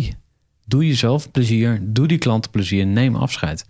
En zo kun je eigenlijk... eh, en dit is ook weer 80-20, min of meer. Maar op een andere manier. ehm, ga je regelmatig eh, door je shit heen. Dus bijvoorbeeld ook door je agenda.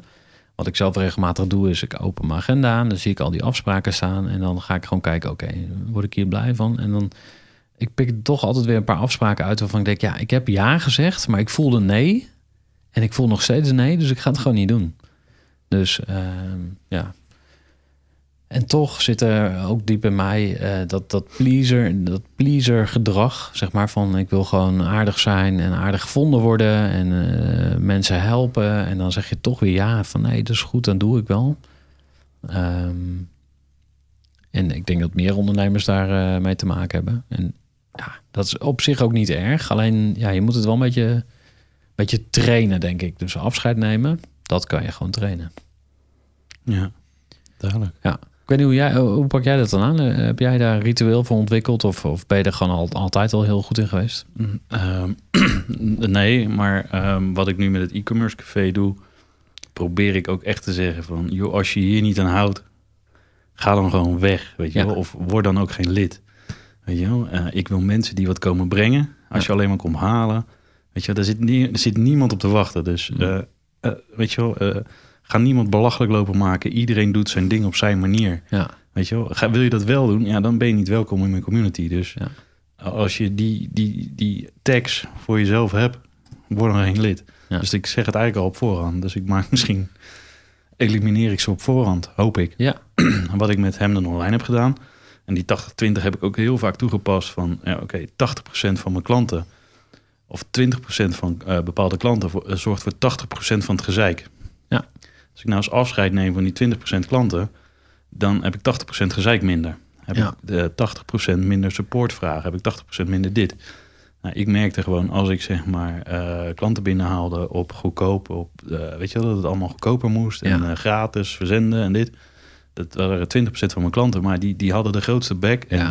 die zorgde voor het meeste gezeik. Nou, eh, toen zijn we gestopt gewoon met, met al die kortingsacties. ja. We bleven de leken klanten over. Ah, En, en als je dat op die manier kan doen, ja, dan eh, werkt het vaak beter. ja. Interessant. Dus eigenlijk, eh, je dacht van, oké, ik ga kortingsacties doen. Dat is een goed idee, want dan haal ik lekker veel klanten binnen.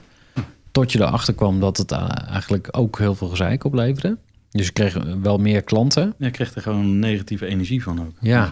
Dus je, eh, support, eh, weet je wel, je wil verkopen, je wil geen support leveren. Dat, Nee. dat, dat, ja, wil je wat doen om iemand te helpen of om een dienst te verlenen. Ja. Maar niet om, om zeikers te helpen.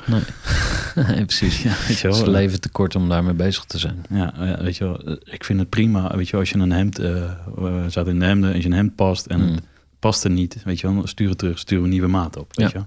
Maar niet drie, Nee, nee. weet je wel. Dan, Ja, maar wacht even hoor. Dus eh, niet drie keer. nee, weet je wel, van ah, een centimeter te lang, ah, een centimeter te groot. Ah, Ja, ja, ja, ja, ja. op, man. Ja, maar dat zijn ook geen ondernemers, denk ik, die klanten. Want als je nee, tuurlijk, maar in de, eh, Ja. zat ik natuurlijk in de consumentenmarkt. Ja, ja. Dat is wel wat anders wat ik nu doe. Ja, nee, ik heb ook online hemden gekocht. En dan had je... ah, eigenlijk, eh, meestal kan je al wel zien van ja, dat is hem niet. Dus je hoeft hem niet eens per se aan te trekken. Ehm, maar ik heb hem nooit altijd helemaal teruggevouwd in de verpakking. Want eh, dat is een kunst op zich. Nee, ja, eh, ik kon het zelf ook niet. Nee. Want, eh, ik was mijn vader goed in. Oh ja. Ah. Mijn fijne motoriek was niet zo goed. Ja. Dus, tenminste, dat heb ik heel Ja. lang gebruikt als excuus. Ja. ja. Maar mijn vader die, kon, die kreeg ze echt wel heel keurig in de verpakking. Ja. En we hadden ook een batterij als stagiaires. En Ja. die lieten we dat ook doen. Oh, grappig. Ja. Dus dat kwam altijd goed. Ja.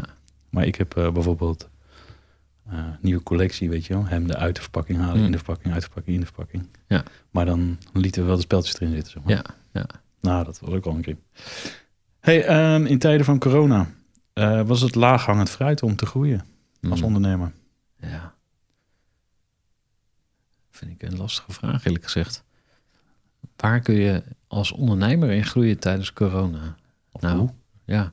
Nou ja, goed, er zijn enorm veel eh, webinars, seminars. eh, ik Ja. zag laatst een heel grappig filmpje ook daarover. eh, waarin dat belachelijk gemaakt werd. Vond ik deels ook wel terecht, hè, want er wordt echt ontzettend veel georganiseerd waarvan je denkt, ja, wat moet ik hiermee? Ehm, ik denk dat je gewoon met je klanten in gesprek moet. Ik denk dat dat verreweg de beste tip is, of het beste advies wat ik iedereen zou geven. Je hebt nog altijd een telefoon. Je hebt nog altijd 24 uur in je dag. Zoek je klanten op. Ga met je klant in gesprek. Of het nou bellen is, of WhatsApp of podcast, maakt niet uit. Maar uh, ik denk dat dat misschien wel het laaghangend vooruit is. Ja. Ik vind wat jij zei, die uh, overkill aan informatie opdoen. Uh, mm. Ik doe zelf een coaching direct bij iemand anders, zeg maar. Ja. coach iemand. Ja. En die jongen die is echt, echt, echt fucking slim. Ja. Maar die doet die opleiding en die opleiding. En dan gaat uh, koopt hij daar weer een training en daar weer een training. Ja. Ik zeg maar, wanneer kom je product nou eens live? Ja, ja. ja, ja. Uh, zonder het live te gooien ga je niks verdienen. Dus je kan nog honderdduizend trainingen volgen. Ja. Totdat je de perfecte formule hebt. Ja. Maar als je hem niet live zet, ga je het nooit weten. Ja, interessant. Ja, en... Uh, Stop is, ga eens gewoon doen. In plaats van alleen maar informatie tot je nemen. Ja, ja. Ja, dat is een heel goed advies. Ik ben het helemaal met je eens. Mooi man. Hey, uh, laaghangend fruit om te groeien met je onderneming? Uh, toch min of meer hetzelfde antwoord, denk ik. Uh, waar loop je klanten tegenaan? Hè? Dus wat zijn de problemen van je klanten? Want daar, ja, daar kan je geld verdienen. Uh, ik geloof niet zo dat er misschien een beperkende overtuiging. Maar ik geloof niet dat er heel makkelijk geld te verdienen valt. Van uh, stap even hierin. Hè. Een beetje Joshua Kaats syndroom zou je kunnen zeggen. Want, nou eerlijk zijn, dat is toch een soort uh, piramidespel van één iemand die succesvol is geweest. En, en, en dat verhaal, want de mensen kopen een verhaal. Hè. Ze kopen geen product, maar ze verkopen gewoon het succesverhaal. Oh, ik wil ook een Lamborghini. Uh, ja, ik, ik gun het iedereen om een Lamborghini te rijden. Ik bedoel, super gaaf. En ik zou hem zelf ook wel willen hebben. Dus dat is een beetje omlaag. Of zeg maar, trappen vind ik te makkelijk. Um, maar met welke intentie verkoop je iets? Hè? Dus wil je iemand echt helpen? Of wil je gewoon vooral jezelf helpen? Ik denk dat uh, klanten dat voelen. Dus wat is laaghangend fruit in de coronacrisis? Nou, dat zijn de problemen van je klanten. En uh, ja, als je ja, als je privé gaat trekken, dan krijg je natuurlijk weer andere antwoorden. Dus uh, ga eens wat vaker naar de sauna of op het strand lopen. Maar dat, dat was de vraag niet. Ik doe het regelmatig hoor. Ja. Het strand open. Sauna ook. Nou, die is niet dicht. Ja. Maar jij woont natuurlijk dicht bij zee, dat is wel chill. Ja. Ja. Morgenochtend weer. Even naar het strand met de kleinste. Ja, mooi. uitwaaien. Ja. ja, maar dat is... Nou, ik werd vanochtend heel vroeg wakker toevallig. En toen dacht ik, hè, wat als ik nou veel meer geld zou hebben? Toen dacht ik, ja, ja, nou ja. En dan, weet je wel, dat, ja, dat is eigenlijk niet interessant. En dat is natuurlijk de, de, de beroemde uh, deathbed exercise van, van uh, Stephen Covey. Hè? Stephen Covey is bekend van de Seven Habits of Highly Effective People. Het best verkochte managementboek aller tijden. Of misschien in ieder geval de top drie. En hij heeft een oefening en dan zegt hij van... stel jezelf voor dat je op je, op je, op je, op je eigen begrafenis bent... En je beste vriend komt naar voren lopen en die gaat iets over jou vertellen. Wat vertelt hij dan? Of je, je, je vrouw of je, je, je man of je partner, uh, die, vertel, die mag iets over jou vertellen. Wat vertellen ze dan? En je wil natuurlijk nooit dat ze dan zeggen van... Oh, ik was zo'n harde werker. Hij was er nooit, maar ja, ik kon wel fantastisch hard werken. Dus hè, het punt is natuurlijk al lang duidelijk. Uh, meer geld, dat, dat is, daar zit het hem niet. Het is, het is meer, meer van, tijd. Ja, meer tijd. En met wie ga je dan om? Dus uh, ja. Tijd is kostbaar. Ja. Besteed je goed. Hey, uh, gaat er veel veranderen, denk jij, uh, in de toekomst van ondernemer of ondernemers zijn? Ondernemers. Ja. Je hebt nu natuurlijk al de New Rich en zo. Ja. Mm, ja, bedoel je echt die, die bedrijven ja, die komen gegroeid zijn? Jij zou graag nog een Lamborghini willen, maar de New Rich die eraan komen, die interesseert allemaal geen reet. Nee. Die hebben geen huis, die hebben geen auto, die hebben geen rijbewijs. Mm. Ja. Die hebben een waanzinnig groot bedrijf. Ja. En dragen een spijkerbroek en een t-shirtje. Ja, ja. Um, ik geloof dat iedereen van. Ja, er zijn natuurlijk wel wat, wat fluctuaties en wat, wat trends en zo. Maar in essentie denk ik dat mensen door de eeuwen heen, decennia heen, uh, millennia moet ik zeggen, dat, al duizenden jaren mensen on, ongeveer dezelfde drijfveren hebben. Dus uh, sla een managementboek open en er staan dingen in die stonden. Die, die zeiden de, de filosofen ook al. Hè, rond Stevie Covey ook al. Ja, precies. Ja, precies. Dus uh, nee, ik, ik geloof niet dat, um, dat het heel erg verandert. Uh, dus je vraag Vind je dan ook uh, dat ondernemers, weet je als ik met ondernemers ben. Ik heb altijd het idee, ondernemers spreken een andere taal. Hmm. Onderling. Ja, maar die hebben natuurlijk een vak. Hè? Dus eh, als jij schoenmaker bent en dan eh, ga je met collega schoenmakers ook praten over... ja, ik heb die leest, welke heb jij dan? En eh, welke schoen, schoensmeer gebruik jij? Ja, nou, ik heb een nieuwe, die is bioloog, weet ik veel. Dus je spreekt jargon, je spreekt dezelfde taal. Dus wij ondernemers hebben het over... weet ik veel, hoe vervelend het is om personeel te hebben... of hoe ga ik dit overleven? Of bruto marge, of weet ik veel. Nou, gewoon alle ik zit ook in die wereld, dus ik spreek ook die taal. Ehm, ja. Dus dat vind ik heel normaal, dat je die, uh, die taal spreekt. Maar ik vind het gesprek nog interessanter worden. Op het moment dat, uh, jij zei net even, ik ga naar het strand met mijn kindje. Kijk, dat vind ik nog veel interessanter. Want dan kom ik veel meer te weten over wat jij echt belangrijk vindt. En dat je je business kan bouwen, dat geloof ik wel. En dat, dat is ook interessant. Alleen, uh, elke ondernemer is ook een mens. Ja. Dus wat wil je betekenen voor andere mensen? Wat wil je uh, nou ja, nalaten, is misschien een groot woord, maar ja, wat wil je betekenen voor andere mensen? Dat is eigenlijk de essentie. Wat ik ook altijd graag wil horen, weet je wel. Uh, wat ik eigenlijk, zoals ik begon met mijn podcast, altijd tegenwoordig vergeten te vragen. Dus ik ga hem nu gewoon toestaan. Ja. Maar wat ik altijd gaaf vind van ondernemers, als je ondernemer, succesvolle ondernemers zijn bijna allemaal door een diep dal gegaan. Hmm, ja. Weet jij je diepe dal nog? Ja, zeker. Ja, meerdere. Uh, Misschien nee, nu weer. nou ja, um, ik hoop dat ik het droog hou. Ik heb uh, twee, uh, twee arbeidsconflicten gehad. dat vond ik toch wel echt heel vervelend. En was daar mede debatten aan. Ja, ik noem het arbeidsconflict, is misschien een groot woord, maar wel echt toch met minder prettige manieren van afscheid nemen. Dat, nee, dat was absoluut niet leuk. En ik heb twee keer een softwarepakket laten bouwen. Voor al met al vier ton. Dus daar uh, had ik een heel leuk huis van kunnen kopen. Uh, in ieder geval toen en nu nog steeds oké huis. Uh, ik zei het gisteren nog tegen iemand van ja, als ik nu terugkijk en zie hoeveel geld ik heb weggeflikkerd door de verkeerde mensen aan te nemen en in dienst te houden. Of en, en hoeveel geld ik in de bodemloze IT-put gegooid heb, niet te filmen.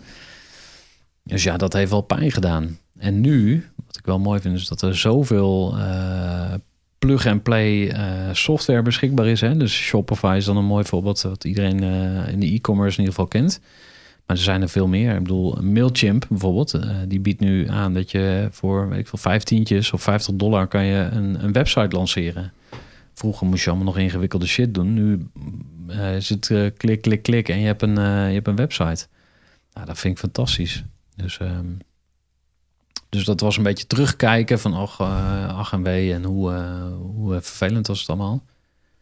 Uh, maar ja, je moet gewoon in de toekomst die fouten niet meer maken. Dus als ik nu, dan even terugkomen bij dat voorbeeld van, van personeel. Als ik nu na een jaar over iemand twijfel, dan is het antwoord gewoon nee. Want ja, ik heb er gewoon geen zin meer in. Ik ga niet meer samenwerken met mensen waar ik gewoon buikpijn van krijg maakt me, de reden maakt me niet eens heel veel uit. Maar eh, je hoeft het namelijk niet te rationaliseren. Je mag gewoon naar je gevoel gaan. Dat zul jij ook ontwikkeld hebben in de loop, misschien al heel vroeg, dat weet ik niet, maar je intuïtie en je gevoel. Als jij gewoon een kutgevoel bij iemand hebt, als jij gewoon een naar gevoel bij iemand hebt. Um, red flag, red flag, ja, red flag. Ja, precies. Ja, ja, ja. Weet je wel, ik heb uh, zoveel mensen in het verleden gesproken daar je allemaal rode vlaggetjes ziet krijgt. Van boom, niet doen, niet doen, niet doen. Ja. Dat je dan toch die wilskracht hebt om het wel te doen. Ja. En, ja, en nu heb ik echt, eh, weet je wel, ik ben onlangs met investeerders in zee geweest. En dan bij elk rood vlaggetje was het nee. Want je gaat met iemand samenwerken. Ja. ja. Weet je wel? En nee, nee, nee, nee. Totdat ik allemaal groene vlaggetjes had. Weet je wel? Dat, daar heb ik wel echt wel van geleerd. Van, uh, ga niet meer in zee met de eerste de beste. Of voor de grootste zak met geld. Of, uh, ja. Weet je wel? Zorg gewoon dat je die rode vlaggetjes niet hebt. Want als je die wel hebt, dan moet je het gewoon niet doen. Ja. Ja, een hele wijze les. Toch? Ja. Um, even kijken hoor. Wat is op dit moment de beste manier om te overleven als je door corona je winst ziet verdwijnen? Ja. Onder, ja, ja. Onderduiken. Vluchten. ga in het dak liggen. Laat je afvoeren naar... Uh... Of ga feesten onder een viaduct. Ja, ja inderdaad. ja, lachgas uh, verkopen. Ja. Nee. Ja, je hebt er een blog over geschreven volgens mij, met financiële re- redmiddelen en dat soort dingen. Moet je, Ja, ja. moet je daarvoor gaan of uh, ja is weet ik het lastig, hè? Dat Dus is is inderdaad... gewoon per situatie weer. Ja, ik denk dat je die puzzel inderdaad per, per, per geval moet bekijken. Dus als je er financieel slecht voor staat, ja. Ik, ik heb toen die scenario's een keer helemaal uitgewerkt voor mezelf. Ehm, van eh, wat, eh, wat zijn je opties? Hè? Je bedrijf verkopen of een aandeelhouder aan boord halen of geld lenen bij de bank of eh, bank beroven. Of, eh, nou, dus alle opties lagen op tafel. Je nu als op- drugsrunner. Ja, ik zie jou nu opveren. Zullen we het samen wat gaan doen? Eh, eh, het is allebei een panty over de kop en gaan. Nee, ehm, Ocean 17. ja. Als er vrijwilligers zijn onder jouw luisteraars, eh, bij deze een oproep. een zakkompas voor persoonlijke groei, ja. als je meedoet. Ja. Ehm, nee. Nee, ik denk dat het heel, heel persoonlijk is. laten we die vraag even. Het is best wel een lastige. Die is, misschien kunnen we daar een andere podcast aan wijden. Ja, goeie. Hey, ehm, misschien wel, dit is denk ik wel een belangrijke die we nog even. eh, Dat is trouwens de laatste vraag. Eh, voordat we aan het vaste vraagrondje gaan. Ehm, wat als je het nu zeg maar. eh, weet je wel, ik denk dat er ook best wel nu veel ondernemers zijn die het echt de groei op dit moment niet aankunnen. Hm. Wat zou je hun eh, eh, voor tips willen geven? Ja. Het is bijna onvermijdelijk als je heel hard groeit, dat je heel hard moet werken. Dus ik, zie ook ondernemers eh, uit, uit mijn netwerk die, die nu juist heel hard gaan. En die 50, 60 uur per week eh, werken. Eh, wat moet je doen? Nou, dat moet je lekker zelf weten. Maar wat ik je gun, laat ik het dan zo zeggen, is dat je in ieder geval blijft sporten. Want dat is wat heel veel ondernemers als helemaal onderaan het lijstje bestaan. Dus die zeggen van, ah, als ik tijd over heb, dan ga ik nog even een rondje hardlopen of eh, dan ga ik naar de gym. Ehm, heb ik ook jarenlang gedaan. En nu bedacht ik van, ja, ik word een, dag, een dagje ouder, dus ik moet nu vast gaan, eh, gaan investeren. Ik ben 37, dus het valt nog mee, maar eh, ik, ga, ik sport nu drie keer per week. Dus ik, ik ga bijna altijd wielrennen op maandag of dinsdag. Ik ga woensdagavond hardlopen en op vrijdag ga ik naar de gym met een personal trainer. En ik vind het eigenlijk belachelijk duur, maar ik, anders kom ik niet. Dus dat is mijn enige manier om, om naar de gym te gaan. En dan, doe ik allemaal oefeningen en dan, voel ik me echt voor lul af en toe. Maar ik denk, ja, ik doe het wel, want ik word er steeds beter in. Dus over twee jaar of over vijf jaar heb ik die PT misschien niet eens meer nodig. Doe je mee Eh, aan een eh, bodybuildwedstrijd? Precies, ja, daarom. Dan zul je me niet. eh, Sta je zo'n klein zwembroekje? Ja, precies. Ja. Nou, ik, ik, Ik kom niet kijken. ik voel dat jij mij gaat coachen. nee. Maar laatst ging ik op de, op de weegschaal staan. Toen was ik 79,9 kilo. Toen dacht ik, nou, ik was voor een half jaar geleden nog eh 3,84. Dus er is toch wat afgegaan. Ehm, maar waar het mij om gaat, is dat je je eigen gezondheid bewaakt. Want dat is de basis voor, je, voor alles wat je doet. Dus dat, eh, wat mij heel erg Heb ik een helpt. mooie anekdote Ja, over. ik heb vertel. al een paar keer verteld, denk ik, in de podcast. Hoor. Maar die- een, een, podcastgast die ik luister, ook een Amerikaan. Mhm. Die eh, ging 2008 in die crisis. eh, ging die zo fucking slecht met zijn bedrijf. Dat die echt, die maakte 80, 90, 100, 140 uur in de week. en zijn vrouw zei, eh, het echt, echt een succesvol bedrijf had hij. Hè? Maar het ging echt door die crisis, die bankencrisis, ging het echt helemaal bergafwaarts. En zijn vrouw zei, ga eens even met die ondernemer praten. Die een goede vriend van je, die drie succesvolle vrienden. Hm. En de eerste kwam met tips en de tweede kwam met tips. En de derde zei tegen hem van, wanneer hebben we voor het laatst hard gelopen? Hm. Ja, maar man, heel mijn bedrijf gaat naar de kloten. En dit gebeurt er, en dit gebeurt er, en dit gebeurt er, en dit gebeurt er. Ik kan er niet hardlopen. Ik moet dit nog regelen, dit nog regelen, dit nog regelen. Vriend, wanneer we voor het laatst hard gelopen? Kap nou even met die vraag. Ik ben godverdomme aan het ondernemen. Ik ben mijn bedrijf aan het redden. Ik heb er geen tijd om hard te lopen. En die gozer, die bleef daar maar op zeiken. Ga nou, als jij gaat hardlopen, gaan we verder praten. En eh, ja, hij ging naar huis helemaal boos op zijn vriend. En eh, eh, is vo- de volgende ochtend was hij heel vroeg wakker. Want hij zat toch wel mee in zijn maag wat zijn vriend had gezegd. Ja. Hij is gaan hardlopen. die ochtend nog. En ja, hij is uit een dal gekropen, zeg Hm. maar. Eh, een financieel dal ook. Hij zei niet omdat ik, eh, niet, niet op de een op de andere verdag. Maar binnen, hij voelde gewoon zijn energielevel terugkomen Hm. zijn spirit terugkomen. Ging het allemaal weer beter zien, helderder zien. Kreeg andere inzichten, waardoor Ja. hij zijn bedrijf heeft kunnen redden. En nu weer heel succesvol is. Heel interessant. Ja. Dus het heeft echt het verschil gemaakt. Ja. Een mooie anekdote. ja. Hey, eh, voor we aan het vaste vragenrondje gaan beginnen, gaan we even uitleggen hoe ze nou dat eh, zakkompas eh, kunnen krijgen. Ja, want eh, ik mag een aantal exemplaren weggeven. Ik, eh, ik had tien stuks beloofd. Oh, ik dat dacht genoeg? 10.000 zei je, maar dat... eh, nee, 10, oké. Misschien volgend jaar. Eh, zakkompas voor persoonlijke groei. Een klein invulboekje. Eh, met eh, hele praktische tips om aan jezelf eh, te werken. En ehm, als je reageert met hashtag groeivoer op de post eh, die online komt, dan eh, maak je kans. En dan eh, leg ik je via een DM uit hoe je die prijs in de wacht sleept. Zakkompas voor persoonlijke groei. Je kunt hem ook op bol.com eh, natuurlijk bestellen. Maar als je hem gewoon gratis wil, dan moet je even reageren. Kijk, Hashtag groeivoer. leuk man. We gaan dat waarschijnlijk promoten op LinkedIn. Ja. Ik ben sinds een paar dagen ook actief op Instagram met T-Commerce Café. Ah, TikTok. Dus- Nee, dat nog niet. Oké. Jij? Nee, zeker niet. Nee. Nee, ik zit Wordt er aangeraden, maar eh, Ja, tuurlijk. Je moet er nu instappen. Ja. Ja, eigenlijk ben je gekke dansjes doen. Hey, eh, voor de mensen, als je dit nou een leuk gesprek vindt, eh, jij weet hoe belangrijk het is, eh, laat even een review achter. Want eh, vooral op iTunes, het is voor mij echt eh, heel belangrijk dat andere mensen ook kunnen zien dat je het waardeert, dat je geluisterd hebt. Ja. Ehm, of het nou een goede of een slechte review is, het maakt mij niet uit, maar geef die sterren. Eh, ik leer ervan en laat vooral je kritiek ook achter wat je ervan vindt. Dan gaan we beginnen aan het vaste vragenrondje. Oh yeah. Ja. Hey, als mensen contact met je willen opnemen naar aanleiding van deze podcast. Eén, mag dat? En twee, hoe doen ze dat als het mag? Ja, graag. Dus ja, eh, dat mag. En het liefst ook even via LinkedIn. Dus voeg mij toe, Gerard Tevelde. En dan worden we vrienden. Helemaal goed. En eh, als dat niet lukt, dan doe je het via mij. Hoeveel is genoeg?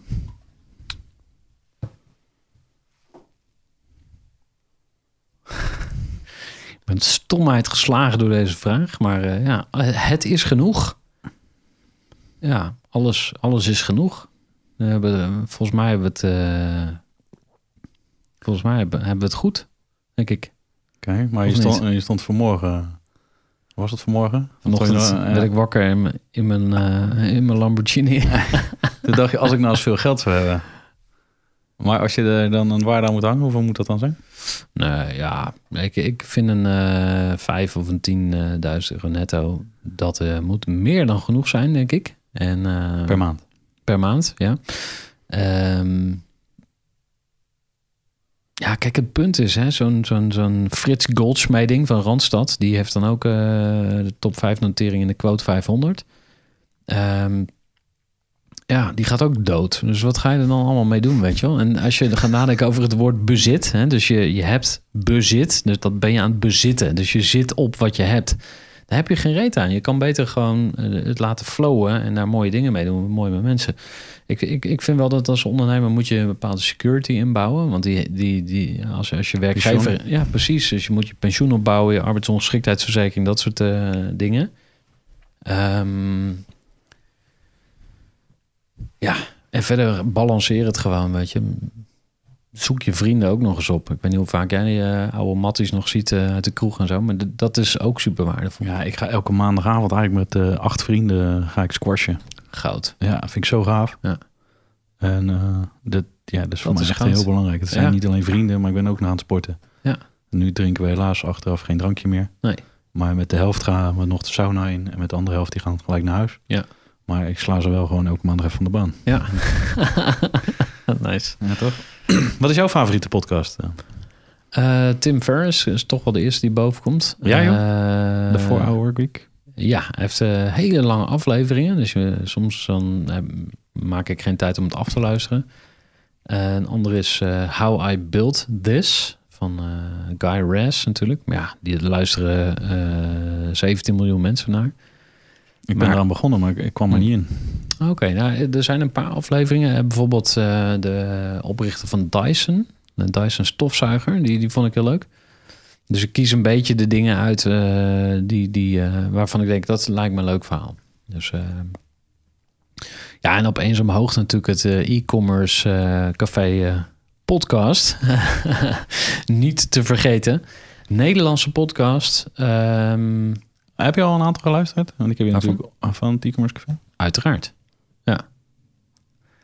Welke echt? sprong eruit? Eh, nee, sorry, geen tijd voor gemaakt. Zal ik heel eerlijk in zijn. Ehm, net als met die boeken heb ik ook altijd eh, een enorme eh, lijst podcasts die ik nog wil luisteren. De laatste tijd kies ik ervoor om eigenlijk helemaal geen podcast te luisteren. Dus als ik s'avonds ga wandelen, vroeger luisterde ik een podcast. En Mhm. nu laat ik mijn telefoon gewoon thuis. Kijk aan. En ik wil juist even ehm, eh, een beetje ruimte in mijn kop. En wat jij ook zei over die ondernemer die jij begeleidt, die heeft dan vier cursussen gekocht, maar hij doet geen reet. Dus daar had ik op een gegeven moment ook een beetje last van. Dan had ik heel veel podcasts geluisterd, maar ik deed er niks mee. Dus eh, daar ben ik mee gestopt. Ja, duidelijk. Je komt toch nooit tot de ideale eh, strategie. Nee, precies. Wat is jouw laatst gelezen managementboek? Dat is misschien niet verrassend, maar wel nuttig. De 80 20, uh, het 80-20 principe van eh, Richard Koch, Amerikaan, of nee, geen Amerikaan, een Brit. Die werd geïnterviewd in die, in die podcast van eh, Tim Ferriss. Dus 80-20 eh, principles. Oké. Ja, heel interessant. Die heb ik al heel lang geleden. Een luisterboek of zo heb ik een oh, ja. daarover. Ja. ja. Vroeger zat ik heel veel onderweg al die podcasts zitten luisteren. Slim. Daarom ben ik ook mijn eigen podcast begonnen. Ja, slim. Ik mis uh, Nederlands gauw hoor. Ja, wat is het best gelezen managementboek ooit? Ja, dat is natuurlijk de Bijbel. nee, eh, ja, dat zal waarschijnlijk... Anders ben je geen ondernemer. Ja, toch? Ik denk, ehm best gelezen mensboek. Ja, dat zal waarschijnlijk de Seven Habits zijn. Ehm, denk je niet? Ik heb wel mijn mening, maar ik wil jouw mening. Ik denk de Seven Habits. of ehm, is er nog één? Grappig. Een Nederlandse, uh, maakt niet uit, hè? Nee hoor. Maar de Seven ah, Habits. wacht. zijn Oh, ja, hij ligt hier natuurlijk ook. eh, maar dat is niet echt een managementboek. Think and Grow Rich. Ja, eh, Maar ja, is dat een managementboek of niet? ja, tuurlijk. Ja? Ja, als we die meetellen, dan, eh, dan zou ik die ook op het lijstje zetten. Ja, zeker. Die hebben heel veel mensen gelezen. Ja. Ja. Denk Ja. groot en word rijk. eh. Ja, vanaf, eh, wat is het, de jaren 30 of zo dat hij op de markt is. Ja, Tja. Mooi hè, die oude boeken, dat die het nog steeds doen voor ondernemers. ja zeker. Ja. Maar wat vind je van de Bijbel dan? Nooit aan begonnen. Oh, Oké, nou, het is nooit te laat voor je. nou, de, de, ik geloof er niet in dat ik dat ga doen. eh. Dat denk ik. Nee. Eh, hoe maken we e-commerce met z'n allen een stukje duurzamer? Oh, daar weet ik een antwoord op. Het is niet mijn branche, e-commerce, hoewel ik natuurlijk een, eh, een webshop heb. Maar ehm, ik zie mezelf niet als e-commerce ondernemer. Ik zou het retourenproces, eh, dat zou ik eh, eens goed onder de loep nemen. En nou ja, eigenlijk zou je beter aan de voorkant kunnen beginnen. Dus productinformatie. Als mensen echt, echt goed kunnen inschatten of een product bij ze past of niet. Hè, dus eh, is de kleur eh, en de afmetingen, allemaal dat soort dingen. Dan voorkom je aan de voorkant dus allerlei miskopen. En dan heb je het retourenproces. Ja, ik zie daar bijvoorbeeld enorme verspilling. Hè? Dus dat je eh, dozen krijgt. Het bankje waar ik nu op zit, die werd geleverd naar een enorme doos met enorm veel plastic erin. Kan dat niet anders? Ik weet het niet, maar het lijkt me zo... het is zo vervuilend. Nou ja, dat die zo ingepakt is, is om het eh, retourproces te verminderen. Want als er Ja. een krasje op zit, dan Ja. een krasje, heb ik geen stem terug. Ja, daarom. Dus dan wordt het nog maar Dus, eh, de- dus het is... Dus ja. zit hem vooral aan de voorkant dan, denk ik. eh, goede productinformatie of zo? Of? Nou, ik vind dat we vooral moeten stoppen om een product te kopen in China van 2 euro om dat gratis te laten versturen naar Nederland. Ja. Dat, dat vind ik de grootste. Als we daar nou eens met z'n allen mee Mm. kappen, Ja. dan hebben we al zoveel bereikt. Zoals Alibaba of... eh, ja, kap ermee, jongens. Ja, Kijk, eh, weet je wel, eh, omdat het dan een paar euro goedkoper is, of eh, misschien wel eens een keer 20 euro. ja, Maar die reis die dat door moet maken, ja. dat is echt, dat, dat kost duizenden euro's Ja. aan Goed CO2. punt. Ja, ja, En als je dat in denk, als we dat eens een beetje gaan beseffen met z'n allen, dan komen we al heel eind, denk ik. ja. Maar ik wil gewoon, ik wil dit ook gewoon in elke podcast even bespreekbaar. Ik vind dat we hier zetten, met, z'n allen over na moeten denken. Ja. Want ik vind het gewoon belangrijk. ja. Het Ja. is toch een mooie planeet waar we op leven. Ja. Vorige week, of eh, eh, 4 oktober, kwam natuurlijk die nieuwe serie live van, eh, of die nieuwe film van eh, David Attenborough. Mhm. Met die hele Ja. mooie stem. Ja, ja, ja, ja. Fantastisch. Heb je hem al gezien? Ja, ja ik heb eh, een stuk gezien. Eerste laatste stuk. of zo. Ja, het, ja, het laatste is eh, gewoon, dan slaat hij zo hard de spijker op zijn kop. Hm. Maar hij komt ook met de oplossing. Hm. En die is zo mooi en zo simpel. Hm. Geen kinderen maken. Ja, Nou, in ieder geval een paar minder. ja, ja precies.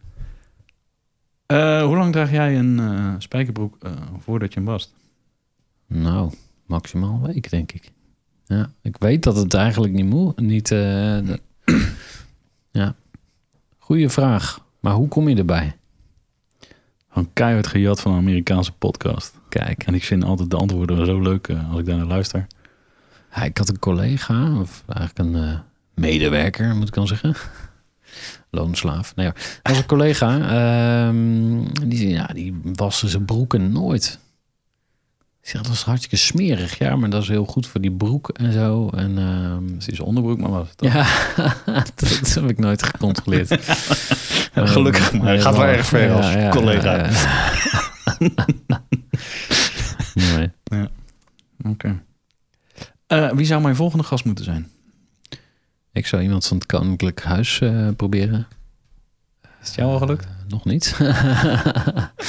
ik zei niet wel Koninklijk Huis, maar eh, ja. nou, ik denk dat die gozer, die, ben even zijn naam kwijt, maar die Formule 1 Zandvoort ja, allemaal Daar regelt. moest ik ook aan denken, ja. Die zit behoorlijk in de e-commerce en in de, in de vastgoed. Ja, als je die kan pakken. Go for it. Maar ik...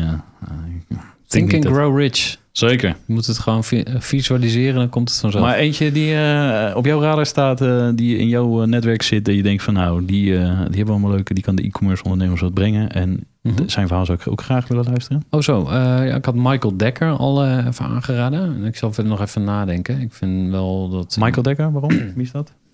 Hij heeft bij AMAC gewerkt. Grote Apple premium reseller. Daar is hij als enige online marketeer begonnen. En hij heeft zich eh, uiteindelijk heeft hij zijn team kunnen uitbreiden naar 15 man. En daar was hij leidinggevende van. En nu is hij zelf eh, eh, voor zichzelf begonnen. En hij doet hij de grote Magento, of groot, maar Magento shops van een paar ton of zo. Dus volgens mij is dat wel, dat is wel- eh, geavanceerde stuff, zeg maar. Dus Michael Dekker zou ik zeker even aanraden. Gaaf. En Ja. die zit in jouw netwerk. Ja, absoluut. Leuk man. Ga ik die zeker eens benaderen. Ja. Wil je nog ergens op terugkomen? Eh, ja, ik heb, alles wat ik heb gezegd was een leugen. Het spijt me. nee, eh, volgens mij was het eh, goed. En erg leuk om, om met jou te mogen spreken. Dankjewel. Hoe vind je het om te gast te zijn bij een ander? Of heb je dat Ja. vaker gedaan? Een paar keer, ja. Altijd even wennen, maar eh, als ze een betere bank hebben, dan ga ik ervoor. Maar het is Ah, ik goed ben om- blij dat ik op jouw stoel zit, Ja, eh. ja, ja. Nee, ik heb een... Dat je zo gastvrij bent. Ja, nee, dat is, dit was een goede customer journey. Dus eh, ik ga hier weer van leren. Kijk eens aan. Dus die moet je weer retour sturen. hey, eh, voordat ik je ga bedanken, wil ik nog even de luisteraars attenderen dat ze natuurlijk lid moeten worden van het e-commerce café. Eh, we gaan 6 november wandelen. Waarschijnlijk ben je dan al te laat. Eh, 12 november ben je denk ik ook te laat, eh, want dan is deze podcast ook nog niet live. Maar dan Mhm. zitten we bij Mr. Wheels aan. Mm. In Oh Enschede? ja, met die bretels, hè? Ja. Slimme gasten. ja, dus als je mee wil, eh, het is echt, eh, gaan we het bedrijf bezoeken. Nice. En daar zit ook, eh, mis- het is Mr. Wilson, het is ik wil van mijn auto af.nl oh ja. en autofinancier.nl. Eh, Ja. Nee, ik wil van mijn auto af van zijn broer. Ja. Bas heeft er zelf tien jaar eh, bij gewerkt als start-up. Slim. En eh, hij heeft ook tien jaar wil hij wat anders doen. Dus hij wil, gaat nu tien jaar vol voor Mr. Wilson. Hm. En wat hij over tien jaar gaat doen, dat eh, weet ik nog niet. Maar dat eh, kan je misschien dan vragen als je mee wil. Ja, Enschede is geboorte. 12 november. Kan ik niet.